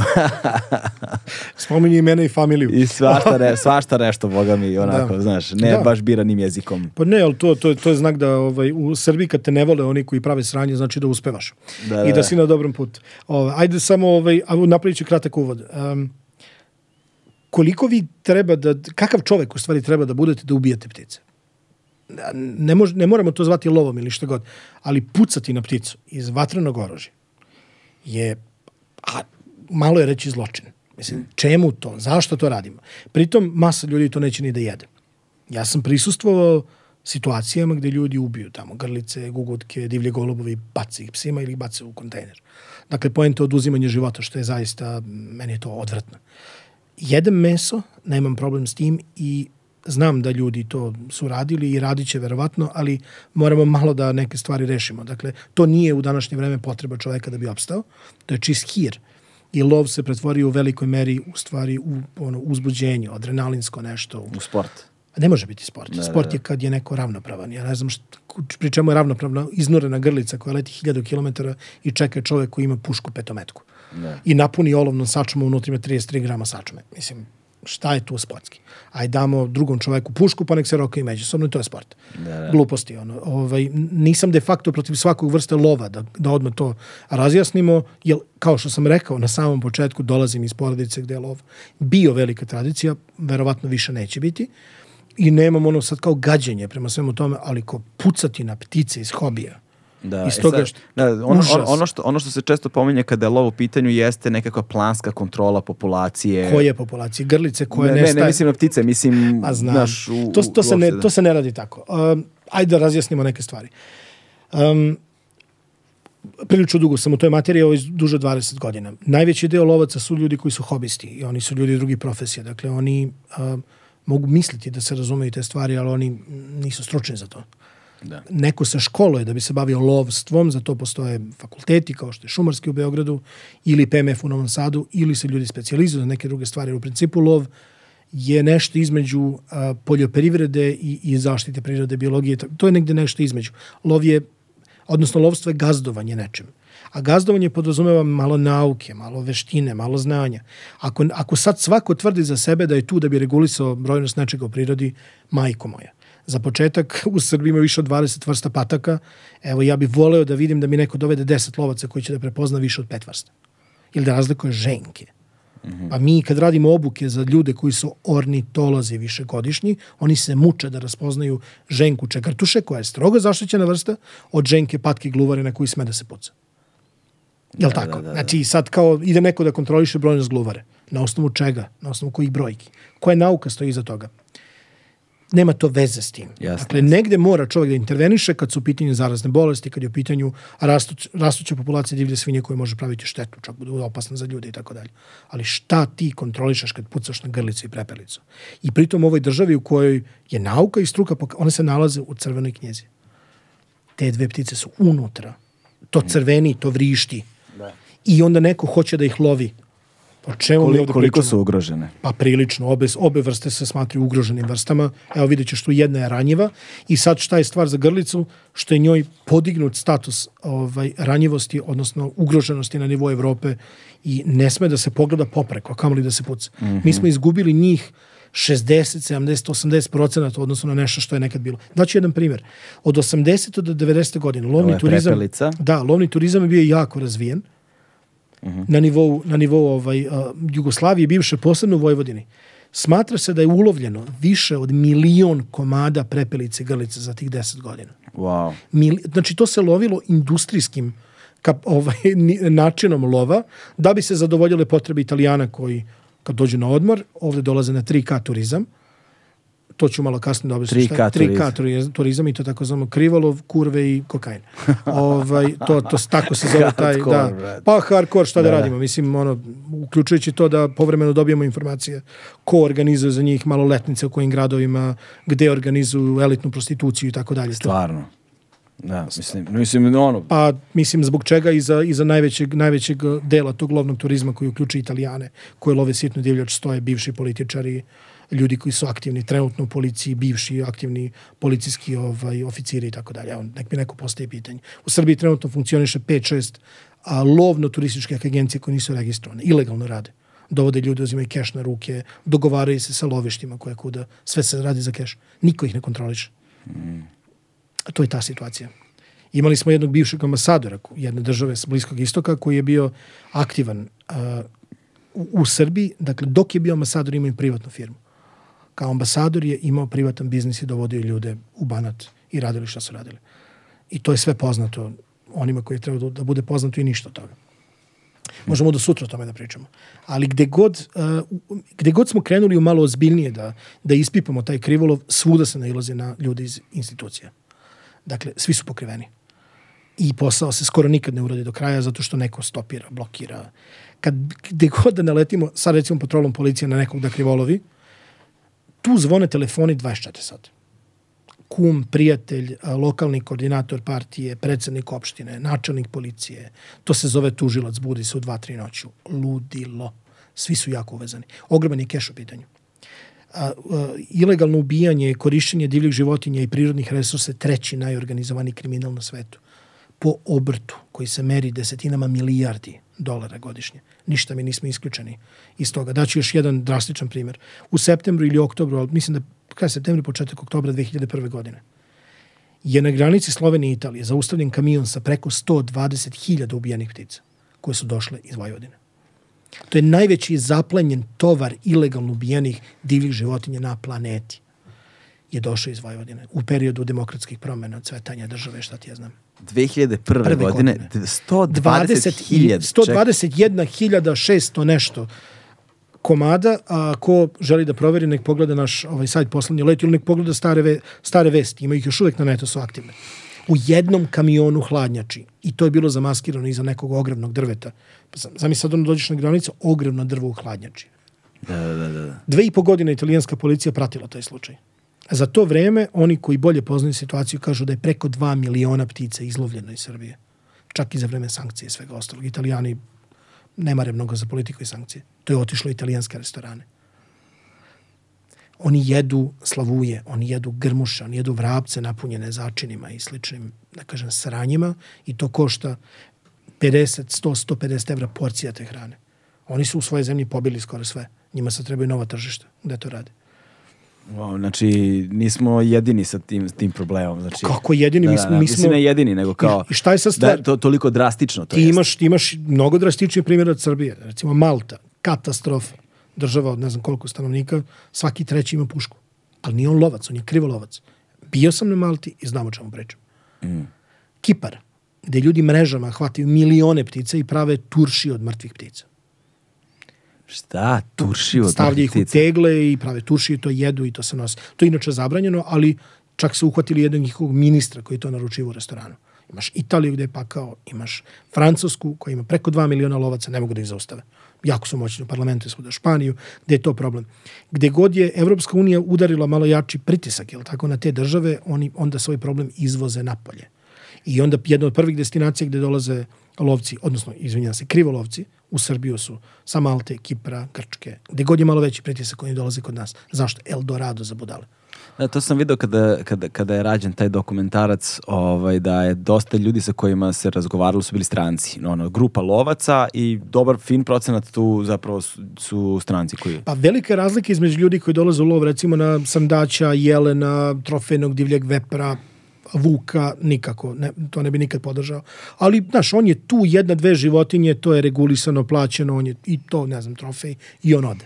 Ali ovi mesari koji pucaju na te male životinje, oni njima naprave recimo jedan lovno turistički dan, tako se kaže. Smeste ih negde i onda ide to sve prateće, taj 3K i tako dalje. To su obično neki likovi 50 plus godina, pobegnu od žene, od kuće, od posla, od nerviranja, dođu u iživljavanje ovde, pre podne pucaju na prepelice, To krene u 6 ujutru, vabilica radila celu noć, tako dalje. Šta je vabilica, to objasni ljudima. Vabilica je uređaj koji proizvodi zvuk koji, koji je nasnimljen zvuk divlje životinje. Može biti, to može biti magnetofonska, MP3 vabilica, znači mora da ima proizvođač zvuka, nosač zvuka, kabel, izvor napajanja i zvučnik. Da. To može biti na kraju krajeva i jak mobilni telefon. I služi da namami životinje. Ako prepelice se sele noću, i lete na visine 500 metara, 1000 metara, 2000 metara. One kad čuju glasan zvuk sa nekog njive, livade, polja, pašnjaka, čega god, one misle da je dole bezbedno i da ima puno klope i celo jato sleti. I onda ujutro rano, kad, kad još uvek rosa, kad svi imaju dobar miris, pojavi se ekipa d, d, d, d, d, d, d i pobije ih sve. Redko koja prepelica to preživi. Mi smo noću dok radimo na terenu, dok te slučajeve otkrivamo, nalazili prepelice koje fizički stoje na zvučniku koji ima preko 100 decibela. Ona je ugluvela. Da. Ali nju taj zvuk toliko iritira glas mužija kada je drugi mužjak sleteo tu, traži gde je ova i tako dalje. Dakle, to nije lov, to je masakr. Što manje ptice ima u prirodi, oni primenjuju sve drastičnije metode. I znaju to ovi koji krivolove. kažu divljači nema kao ranije. Pa moramo sad više da se potrebujemo da ih ubijemo. Da, da, da. Znači, potpuno jedna, jedna bolest na psihologiju. Umesto da kažu toga ima sve manje, prekinut ćemo to da radimo, evo, orijentisat ćemo se, ne znam, proizvodit ćemo više fazana, ali proizvešćemo fazane, možemo da ih gojimo, pustit ćemo 5 miliona fazana više i zadovoljit ćemo svoju potrebu za ubijenjem. Ne, oni vrše veći pritisak na, onoga, na ono čega ima sve manje, a to su te, pre svega, ptice selice. Šta se događa? Ovi naši ih love vabilicama. I Srbija je inače prva država na tom putu sa severa u kojoj se ptice love vabilicama. Nema toga u Evropskoj uniji, to je čao. Ubiju ih kod nas, jedan deo sledeći deo odlazi u Grčku, tamo je problem. Onda odu na neko ostravo u Mediteranu i onda dođu sever Afrike, Bliski istok. Pakao. Da, da, da. Koliko se njih vraća? Sve manje i manje. Šta je sa staništima? Izgubili su ih. Preorana, zapaljena. Šta je sa klimatskim promenama? Katastrofa. I onda je ptica naravno sve manje i manje. Taj stok, populacija koja je nekad po, postojala, ona nestaje. Ali oni i dalje kao... I onda kažu... I sad pazi ovo. Jednu grlicu da ubiješ u Srbiji – platiš manje nego da popiješ kafu ovde u kafiću. To je ugrožena vrsta. Ona košta 2,5 evra. 2,5 evra po grlici? Po komadu. A prepelica evra i ili 2 evra. I šta onda oni rade? Evo ovako, prosečno lovište ima recimo kvotu godišnju između 100, 150, 200, 250 jeringi. Celo lovište, koje može biti recimo 4000 hektara na primjer. Celo lovište za izlov prepelice, evo daću ti primjer. I onda oni kažu, njima država kaže, ok, oni naprave Inače, a, dužni su da jave koliko životinja imaju u lovištu da bi im država dala da odstrele, ne znam, 10%. Naprimjer, ti si izbroja 150 crna, na primjer, i država kaže možeš da odstreliš 15, 20 ili kako to već ide. I to se radi u proleće. Tad se broje zečevi, srne, divlje svinje, čak i lisica, ne znam šta mogu. Ali oni tad prijavljuju brojnosti prepelice i grlice u martu, a one su tad u Africi. Znači, stavljaju se cifre iz glave. 40-50 godina se lupetaju brojnosti. Ti brojiš nešto, evo izbroji sad koliko ovde ima piksija u ovoj sobi koji nije tu. Da, da. nema ga. A napisat ćemo jednog za svaki slučaj. Razumeš? E, to se radi. I šta se onda događa? Oni imaju kvotu 250 komada. Na vabilicu, koja je lepo postavljena, stave više komada, oni za jutro mogu da ubiju 150-200. A oni love 60 dana. Znači oni izlove ono što im je država dala kvotom gde oni kao plate neku taksu za dva vikenda. A lovna sezona traje 8 ili 9 vikenda. I plus radni dani. Mm. Krade se, neviđeno se krade. I onda prijave brojke, te pokradene brojke prijave između 35 i 40 hiljada. A gde je krivolovno sve to? Pa verovatno puta 5 do puta 10. Ko ima štetu od toga? Svi, apsolutno. Država nema nikakav prihod, Pritom dobar deo tih lovaca je došao kod tebe, ti mu praviš klopu, ti mu se organizuješ. Nije prijavljen. Masa njih dolazi tako da čak se nije prijavilo uredno ni kao lovac, nego kao ono, ima pasoš, ruke u džepove. On dođe i ovi mu daju pušku da. u ruke i on ide radi šta radi. Znači nije prijavljen kao lovni, Jel ti, ti moraš imati pozivno pismo od agencije da dolaziš kao gost da loviš. I kažem, ovi koji idu na taj visoki lovni turizam, to srna, divlja svinja, to je okej, okay, to je čisto. Jel oni idu kod mnogo ozbiljnih gazda. Idu u državne firme, Vojvodina šume, Srbije šume i tako dalje, u neka lovišta, lovačko udruženje koje rade dobro svoj posao. Ali ovo na sitnu divljač, pa kao. I onda pre podne roku igrlica, onda malo odmora, onda izađu na vodu, ubije divlje patke, onda uveče čekaju na preletu gugutki igrlica. To je masakr. Samo sve u brojkama. I onda kad pogledaš, evo samim, svako može da pogleda, sam reklame, I onda kaže ovako, na, na jednom mestu jedna, jedna turistička agencija iz Bačke Topole i jedna iz okoline Leskovca. Kažu, garantujem ulov od hiljadu prepelica. Po lovcu. Kako šta ti možda garantuješ? A onda dovode ih u jedno lovište koje ima kvot 250 komada. Znači ti godišnje imaš pravo da ubiješ 250 ptica, ti garantuješ jednom lovcu 1000 komada, a imaš takvih 20 lovaca. Kako je moguće da naš ono o, ovakve stvari o kojima govoriš postoje u toj meri, u, u, u tom obimu ovaj, 2023. godine. Mislim, znaš, ko, prosto mi zvuči preterano. Znaš, Dobro, zvuči mi, da, da, ne, kao ne znam, znaš, ne, ne, znam, ne znam ništa o tome. Dobro, navedi mi jednu instituciju u ovoj zemlji u kojoj bi ti kao gurno ruku u vatru i rekao ne radi svoj posao. Aj, e, to što kažeš, da. da. A, da, opet da se ne naljute drugari, imam i neku rodbinu koja radi u policiji. Nema lovačkog udruženja gde tebi u vrhušci ne sedi neki aktivan policajac. Ne. Da. Ja bi dekretom zabranio da aktivni policajci budu deo, deo lovačkih udruženja. Jel to je direktan sukob interesa. Da li ćeš ti kao aktivan policajac, kad ti neko prijavi krivolov, ići da procesuiraš, da privedeš svog lovočuvara, upravnika, svog drugara s kojim ideš na gulaš i da loviš divlje svinje? Evo, nek mi to neko objasni. Da, da. oni imaju pravo da se udružuju i sve živo da rade. To je sve cool, ali da li je to okej? Okay?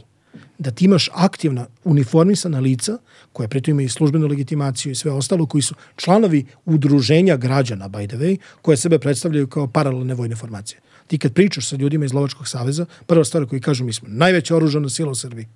Oni su NGO. Da, da, da. Registrovani kao 9499, to im je šifra. Udruženje na bazi učlanjenja. To pišu u APR-u. A razgovaraš s njima kao da su oružana formacija. Ne možete nama ništa, mi imamo 400.000 dugi cevi. E, o tome se radi. onda njima neće niko da se zamera. To je mnogo glasača. To je mnogo svojih ljudi tamo. Da, To je da. mnogo službe. Znaš o kojoj službi pričamo. Mm. To je mnogo ušiju koji gledaju i slušaju. Sve ja to kapiram. Ali dajte da počistimo taj šljam. Da, da. Ni, tamo je mali broj ljudi pravi problem. Ali pravi strašna sranja. Mali broj ljudi. Ljudi iz lovačkih udruženja nazovu zovu dan i noć kad počne sezona, mole da im pomognemo da očistimo šljam iz njihovih radova. Ne znaju šta da rade. Nekima zapale kuću kad prijave krivolov.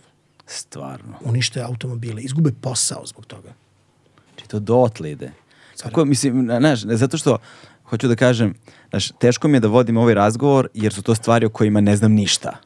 Znaš, ali ne samo što ne znam ništa, nego što imam utisak, ok, ja nisam neko ko je u tom pogledu najinformisanija osoba na svetu. Znaš, ne mogu da se pohvalim da ono, pre svega zbog sobstvene mentalne higijene, ono, umorio sam se od toga, ne, ne pratim na dnevnom nivou vesti, politiku i to jednostavno ne mogu, jednostavno, ono, e, znaš ako se kaže, ovaj, a, a, ako, ako ne čitaš vesti, onda si neinformisan, a ako čitaš vesti, onda si pogrešno informisan.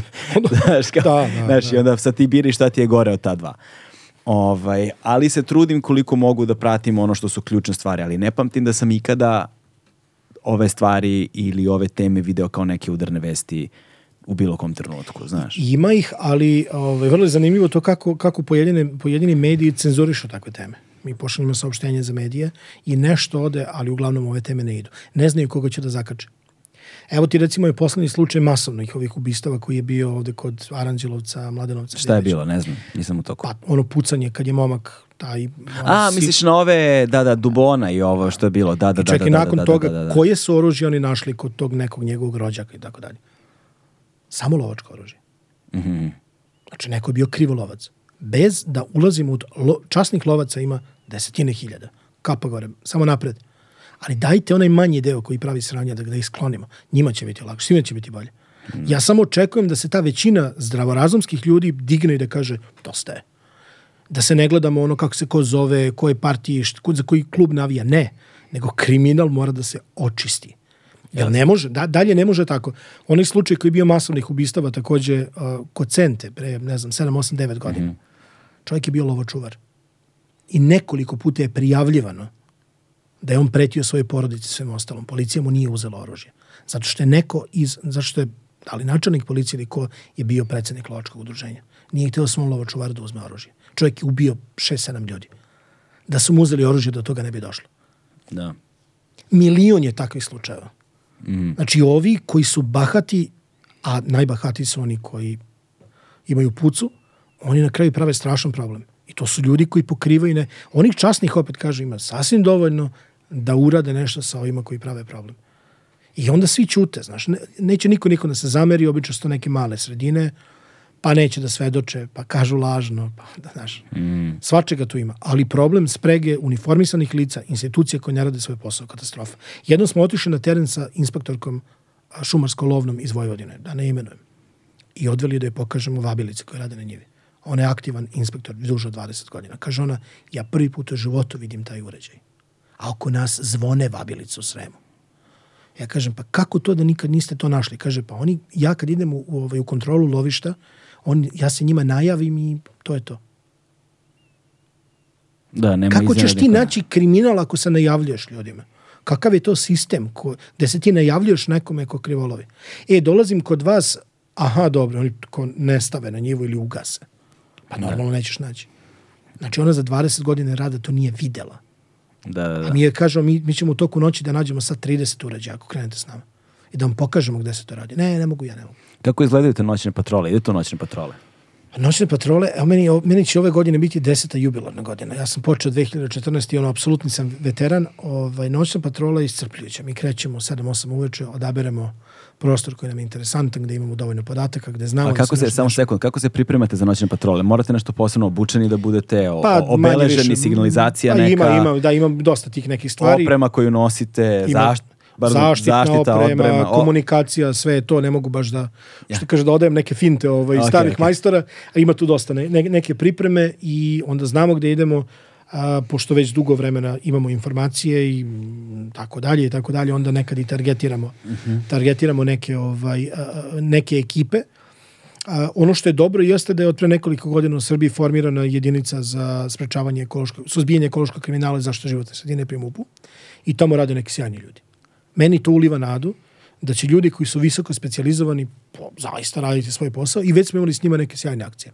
Nije lepo to što su načelnika uh, sklonili odmah kad je došao novi ministar policije, ali dobro, verovatno to tako u svim državama funkcioniše, samo neko oni njima daju mogućnost da rade ono zašto su oni statutarno, jel tako, dokumentima određeni, a u nama će imati savršenog partnera. Mi sad da im damo na tacnu koliko ljudi oni ne mogu da stignu da urade. Dakle, da, toliko da. informacije imamo, jel stvarno imamo oči i uši, ono u malim sredinama, velikim sredinama, članove, saradnike, čestite ljude koji imaju muka. Da. Što da. liko je dobrih lovaca, oni su tako nemoćni.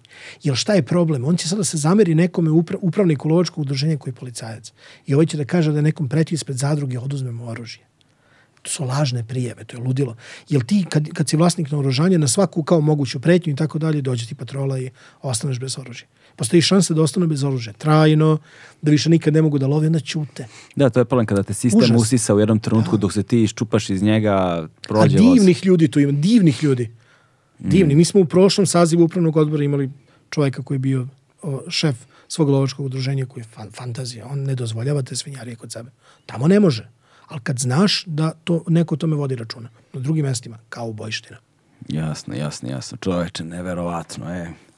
Neverovatno. Hajde da se mi prebacio malo na, ovaj, na, na, na, na, mislim, to su sada, držimo se mi ipak tih, a, a, a, držimo se te, tema, ne sad konkretno krivolova, ali sad taj, um, sad po, pored, pored biološke neobrazovanosti, jel te, i problema biološkog diverziteta, dakle globalna kriza, jel te, diverziteta, um, kako, se, kako, kako, kako ona izgleda kod nas danas? Dakle, uh, Uh, ovaj, kad govorimo koliko je staništa, na primjer, izgubljeno, uh, koja su staništa, na primjer, kritična u, i šta možemo da uradimo u vezi sa njima. Dakle, kad govorimo o tome, ne mislim samo na uh, ovako je kao priroda namenila, ovo je sada ljudska naseobina i sad ti u tom sukobu znaš, kaže kao je, treba samo da uklonimo ljude, jer mislim da to u ovom trenutku nije ni realno, ni... Nemoguće. Ni, ne, da. Apsolutno nemoguće i nešto što je ono Don Kihotovska borba. Ali ako govorimo o nekakvoj simbiozi, ako govorimo o nekakvim rešenjima koja mogu da budu dobra i za jednu i za drugu stranu, to je ono za što verovatno postoje znanja, Uh, ok, verovatno teže, teže, malo teže naći kadar ili finansiranja, ali ukoliko postoji znanje i ukoliko znamo da je to pravo i trajno rešenje dugoročno za nas, ali da fali eto u ovom konkretnom slučaju na primjer politička volja ili nešto, kada bi sad ti imao ono magični štapić, kao koje su to neke ajde na, ne znam kako bih nazvao, nedostatku boljeg izraza crvene zone na našem podneblju, eh, zbog čega su crvene zone i šta bi njima moglo da se uradi i kako bi se situacija promenila kada bi se to uradilo.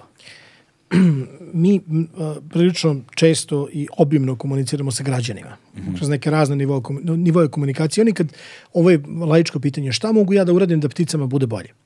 I prvi odgovor moj, ako se ja javim ili ako odgovorim u razgovoru, kako god ja kažem, nemojte uraditi ništa loše.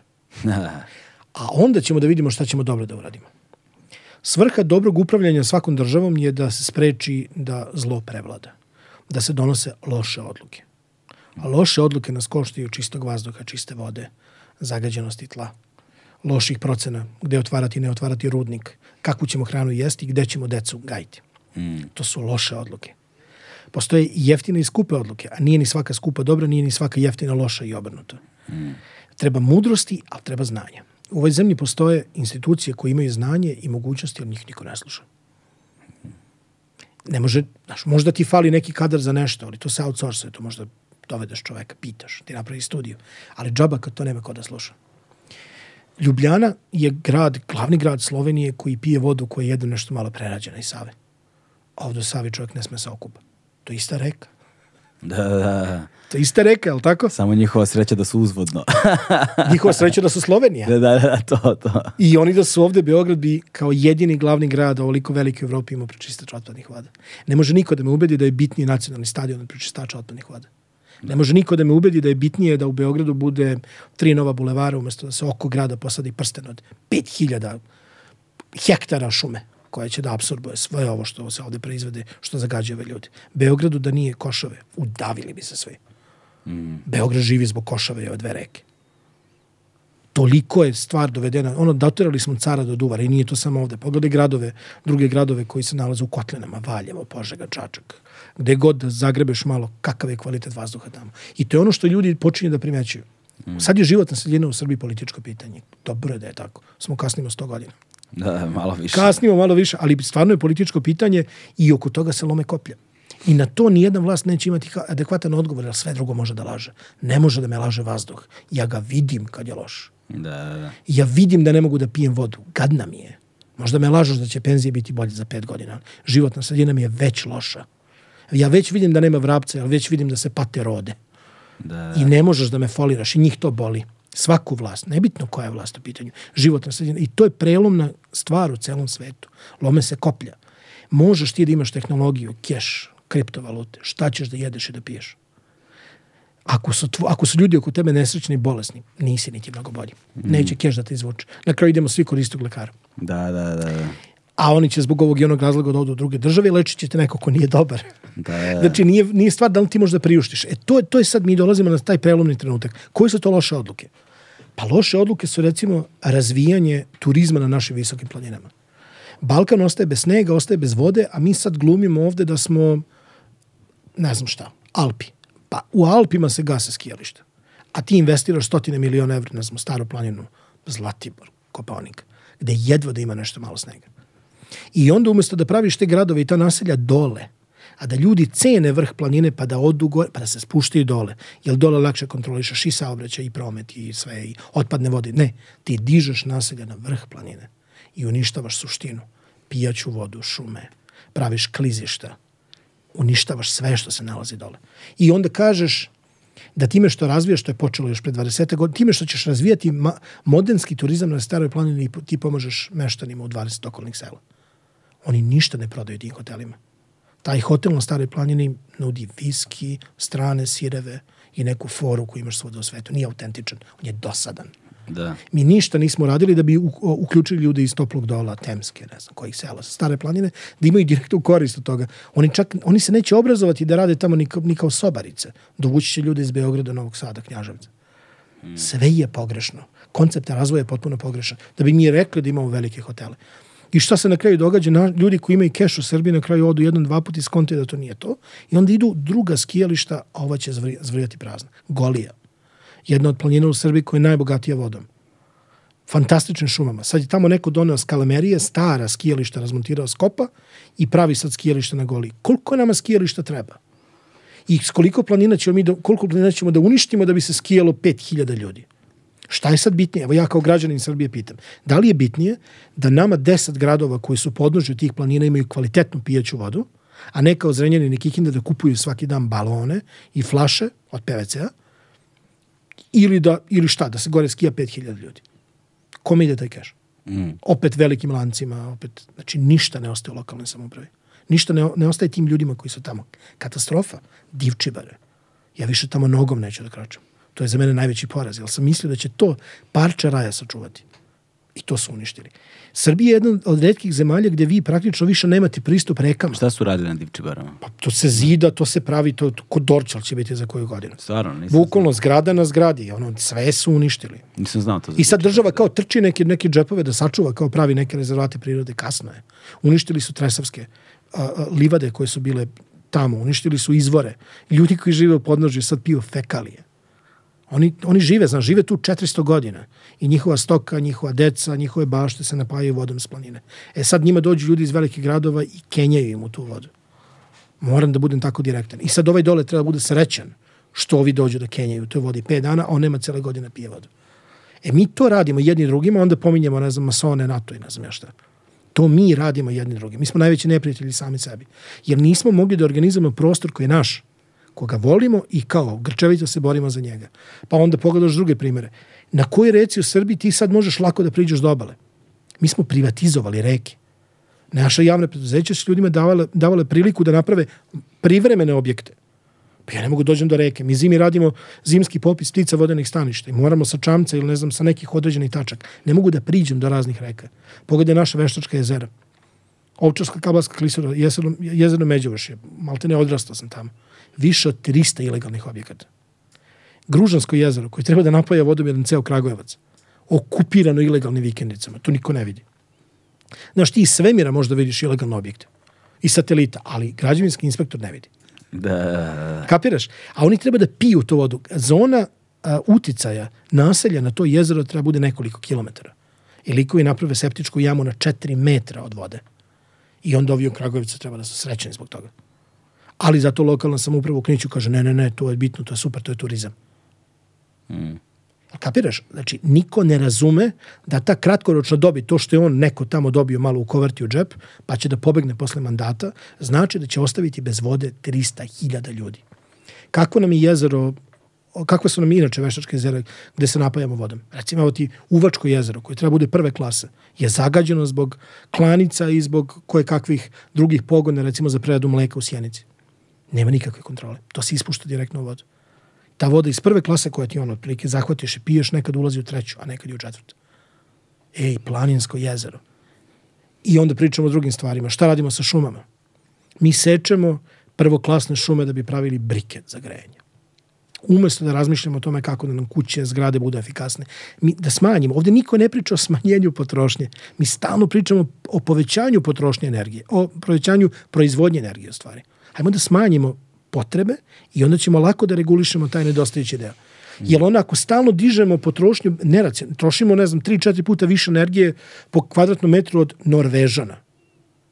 E, gde oni žive, gde mi živimo? Da, da sve je pogrešno. Da, to su zvanični podaci. Da, i to sve, taj ceh gde plaća mogu, priroda. Gde, ljudi mogu recimo pogledaju tako te podatke ili komparativno da ih Evo pogledaju? Evo ti, nek pogledaju recimo Koalicija 27, uh -huh. to je mreža organizacija koji, ovaj, u kojoj mi, i mi među ostalom radimo, imamo te neke izvešte i senke i tamo mogu naći na sajtu Koalicija 27 fantastične podatke o celoj životnoj sredini i voda i vazduh i biodiverzitet i ono legislative i sve. Ko su Koalicija 27? Koalicija 27 je uh, jedna grupa organizacija Tu su recimo Beogradska otvorena škola mlada istraživači mm -hmm. Srbije, WWF i tako dalje. Tu smo mi sijasa drugih jako kvalitetnih organizacija. Svako je neko svoje oblasti obraća pažnje na ono što se dešava. Jasne. I to je sve dostupno. To je dostupno institucijama, građanima, svima, ali sad treba malo da otvorimo oči.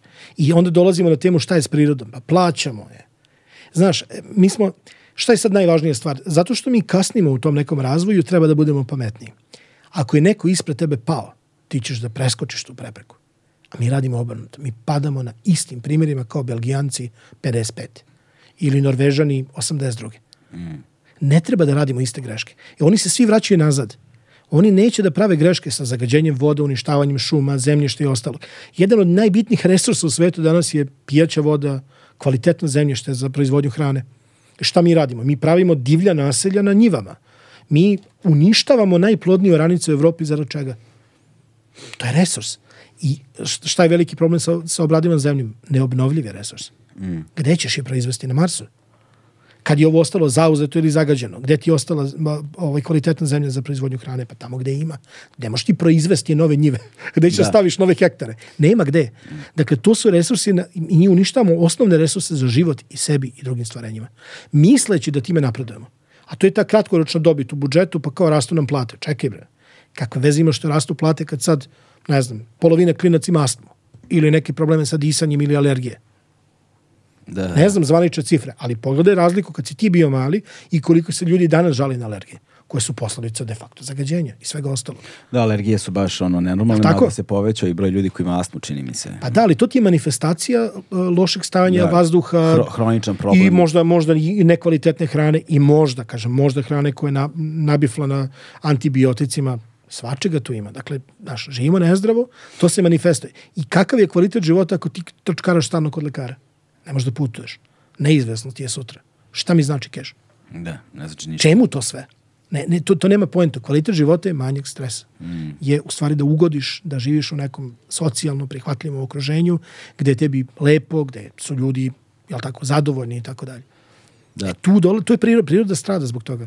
Da, to ima onaj čuveni citat uh, nekog od uh, uh, poglavara am, severnoameričkih domorodaca koji kaže kada beli čovjek bude uh, pobio sve, opustošio sve, znaš, istre... Shvatit da novac ne može da jede. Tako je, da, shvatit će Ni da ga diše, ni... Ništa, da, nije, može ništa s njime da uradi. Jel to nije, kap... ja mislim da je u današnje vreme znanje najjači kapital. Da, malo pre si pomenuo vodena staništa. Ovaj, zanima me kako, kako stojimo sa ekosistemima ono, tih vodenih staništa i kakvi smo sa pticama koje naseljavaju, jel te, ta vodena staništa.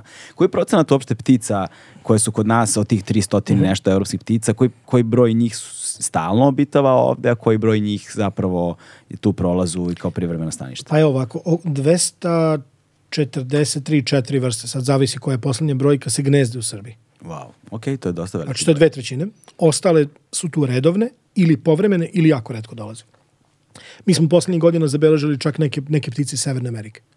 Kao na primjer? Ili Azije. Američki srebrni vivak se pojavio, da, Vivak, luda ptica skroz, ima ga tu ovaj, u ovoj knjizi, naravno ptice Srbije i Evrope. Ovaj, on se pojavio, eto, i tako došao i nikoga nije očekivao. I bio, recimo, na, mislim, na jezeru Rusada. Da. Izvini, gledam kako izgleda. Aha, viđao sam ovu pticu, američki srebrni vivak. Da. da. Eto, i pisali smo malo o tome. Tako da desi se, znaš, da, da ptice zalutaju. Ove, evo sad je recimo bio neki sredozemni galeb koji je došao skroz sa sredozemne da, da, gore ne, da, ne. u centralnu Mađarsku i tako. Ima neki blesavih priča. Ali kažem, dve trećine su tu, tu garantovano. Kad govorimo o vodenim staništima, različitim, to sad može biti i, i potok, i rečica, i veća reka, i bara, i jezera, i šta mm -hmm. god, mhm. dobar deo ptica je zavistan od, od, od njih, jer voda je negde jedan od najosnovnijih resursa života, a imaš ptice koje žive samo na vodi, kao što su razne, razne močvarice, sve vrste pataka.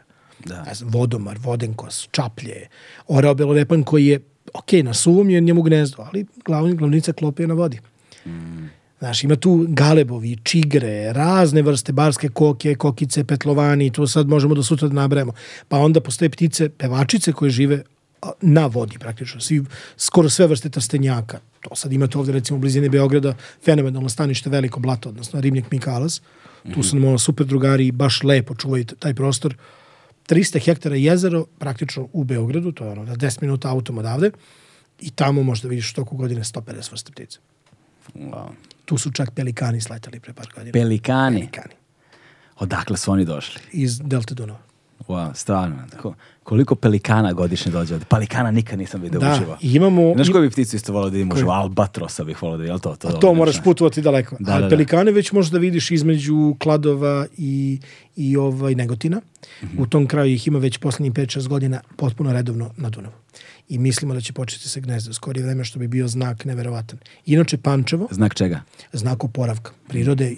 To, to je već u, u nekoj meri vraćanje tih jako ugroženih vrsta je fenomenom.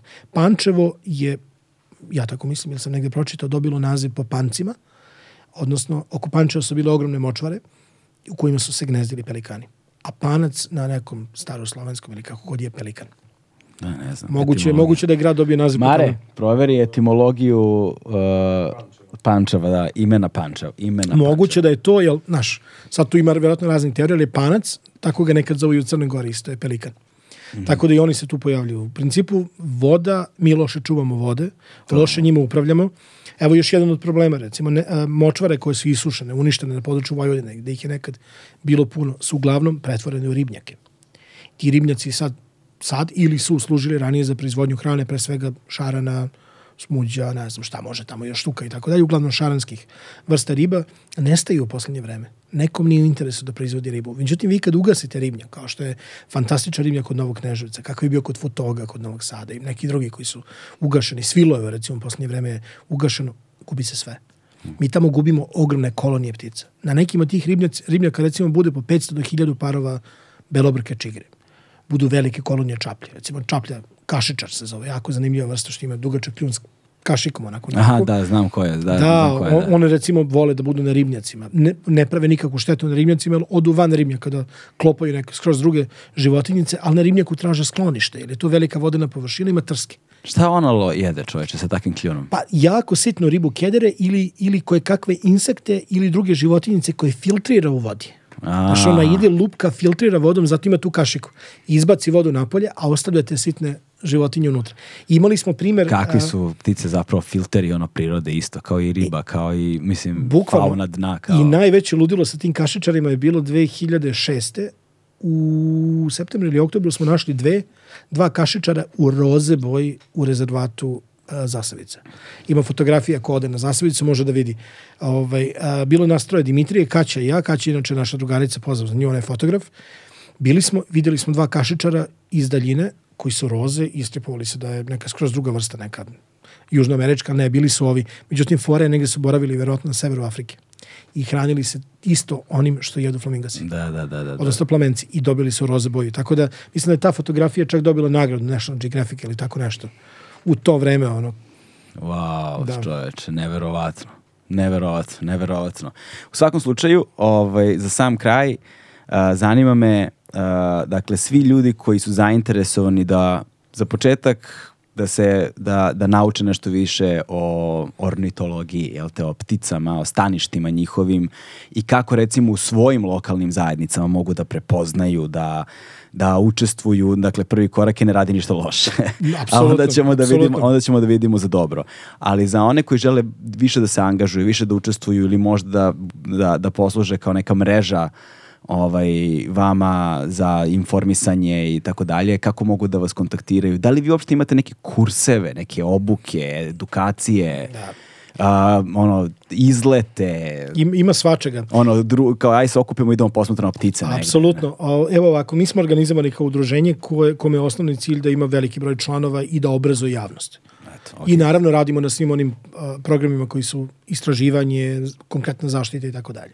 Nama je vrlo važno da, da ljudi dobiju pravovremene i kvalitetne informacije. Mm -hmm. Zato radimo, imamo svoj magazin, radili smo, ovo, ovaj, imamo recimo na, na ovaj YouTube profilu na YouTube kanalu kod nas ove recimo kurseve upravo za raspoznavanje ptica u gradovima, vodenih staništa, šuma, bukvalno sat vremena traje kurs i učite uz njega. Napravili smo aplikaciju za mobilne telefone koja je besplatna, zove se Ptice na dlanu, radi na Android i na ovim drugim iOS ovaj telefonima, ima neki 260 vrsta ptica i na osnovu staništa, boje, ne znam, oblika, lako možete prepoznati pticu. Tamo dobijete još, ovaj, ako ste ovaj, uključeni na internet, možete da čujete kako se koja ptica oglašava i tako dalje. A, radimo izlete tokom godine, pre svega za članove, ali i za javnost. Jedan od najvećih događaja je prvi vikend oktobra. Mhm. Ove godine mislim da je to poslednji dan septembra, prvi dan oktobra, tako nešto. Imaćemo verovatno preko 40-45 izleta širom Srbije, gde mi otvorimo vrata, u rezervatima, na cool mestima, a, zamolimo naše članove i prijatelje da budu vodiči svako može da dođe. I onda na licu mesta da se ljudi upoznaju, imamo tu sad ne, neke brakove su se rodili, deca se rodila nakon tih izleta, ono yes. potpuni haos. Ove, I fantastična prijateljstva, znaš, sad ljudi putuju zajedno i to sve i onda ljudima na licu mesta pokažemo to područje, ispričamo istorijatu i ptica po ptica šta su videli i da zapamte, da prepoznaju oglašavanja, znaš, svi su spremni, imamo fantazija ekipu koja zna skoro sve, skoro svemu. Tako mogu da kažem. I to je, to je neki taj prvi korak. E, primetili smo ogromnu promenu nakon korone došlo nam je iz dupeta u glavu, puno stvari. Ljudi jednostavno žele napolje. A, to. Posebno, znaš, ono, mlađi ljudi... Izvini, izvini, ali pre toga, da li je, da li je korona, lockdown i smanjevanje saobraćaja, gašenje industrija brojnih, a, se pokazalo na staništima? Uh, jeste del, ali to je samo kratko bilo. To je bilo pola godine, godinu i na kraju smo nastavili još gore stvari da radimo. A, ok, ok, ja sam se sla... ponadam se barem nekoj o, ono optimističnoj informaciji. Ali, ne, ali gledaj, uh, promenilo je svest ljudi. Mi smo po prvi, tad, prvi put počeli da dobijamo ovaj, pozive tipa, jao, ja čujem pticu u mom dvorištu. Zašto? Nema saobraćaja. I ljudi su počeli da gledaju kao, ja gledam ceo, e, kroz prozor ceo dan neku zanimljivu pticu, ima plava perje na krilu, sojka, odnosno kreja. I onda, znaš, kreću takva pitanja. Onda ljudi su shvatili da je to zaključavanje, da je to ograničenje slobode u stvari najgora stvar. Mm. Ko ima najviše slobode da se kreće? Ptica. Ptica. Koju stvar najčešće vidiš kroz prozor? Pticu. I to, njih je ptica asocirala na slobodu. I nama je naglo počeo da skače i broj članova i saradnika i svega nakon korone. Meni je Cela ta situacija je tužna, ali promena svesti kod ljudi jako raduje. Da. I sad ljudi su kao, a, naš, imam klince, nema tržni centar, nema igraonica, ajmo napolje. I ja pitam naše prijatelje, recimo Simke koji vodi rezervat na Zasavici, kaže ranije, pre korone, redkog ludaka nađeš da šeta pašnikom. Sad ne možemo lako da ih vratimo. Da da da, da, da, da. Ogromne razlike. E, naravno, tu nastaje problem što ljudi ne znaju kako da se ponašaju u prirodi. Tu mi treba sad da ih naučimo. Znaš, ne možeš da guraš ruku, znaš, vidiš zmiju, sad ti guraš ruku u nju. Ne smiješ da teraš životinje, da ih bacaš otpad, lomiš grane, pališ vatru gde hoćeš. To je bitno. Ako si na polju, moraš da poštoješ prostor oko sebe. Ti si tu gost. Mm. Nije prostor gost kod tebe. Tako je, Pri, da. Mi smo u prirodi uvek gosti, ništa to nije naše. Ti si gost, i vremenski i prostorno si gost. E tu mi stupamo na scenu, onda ljudima dajemo osnovne informacije. Znaš, često nas zovu i pitaju gde da odem za vikend aha, a, imate porodicu s malom decom, ok, onda im treba negde da imaju blizu i toalet i restoran i možda nekog vodiča, onda ih lagano usmeravamo i to ide na bolje. Hmm. Samo opet ponavljam, kasnimo do 5 decenije, ali sve okej. Ali dobro, sve ok. Dakle, ti ćeš meni poslati sve relevantne podatke, ovaj, odnosno za kopanje informacija, mi ćemo to sve da stavimo Laži. u opis, u opis ove epizode, tako da ljudi mogu i da vas kontaktiraju ili možda čak i doniraju ukoliko takve opcije postoje i naravno ukoliko su zaintereseni da se priključe ili obrazuju na bilo koji način, ostavit ćemo sve relevante podatke, računamo da to ćeš ti da mi ih pošalješ i to je to. Hvala ti puno, Kućo.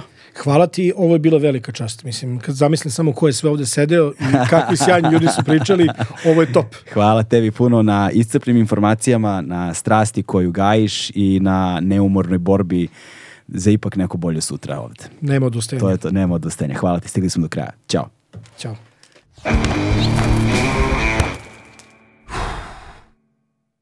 Hmm.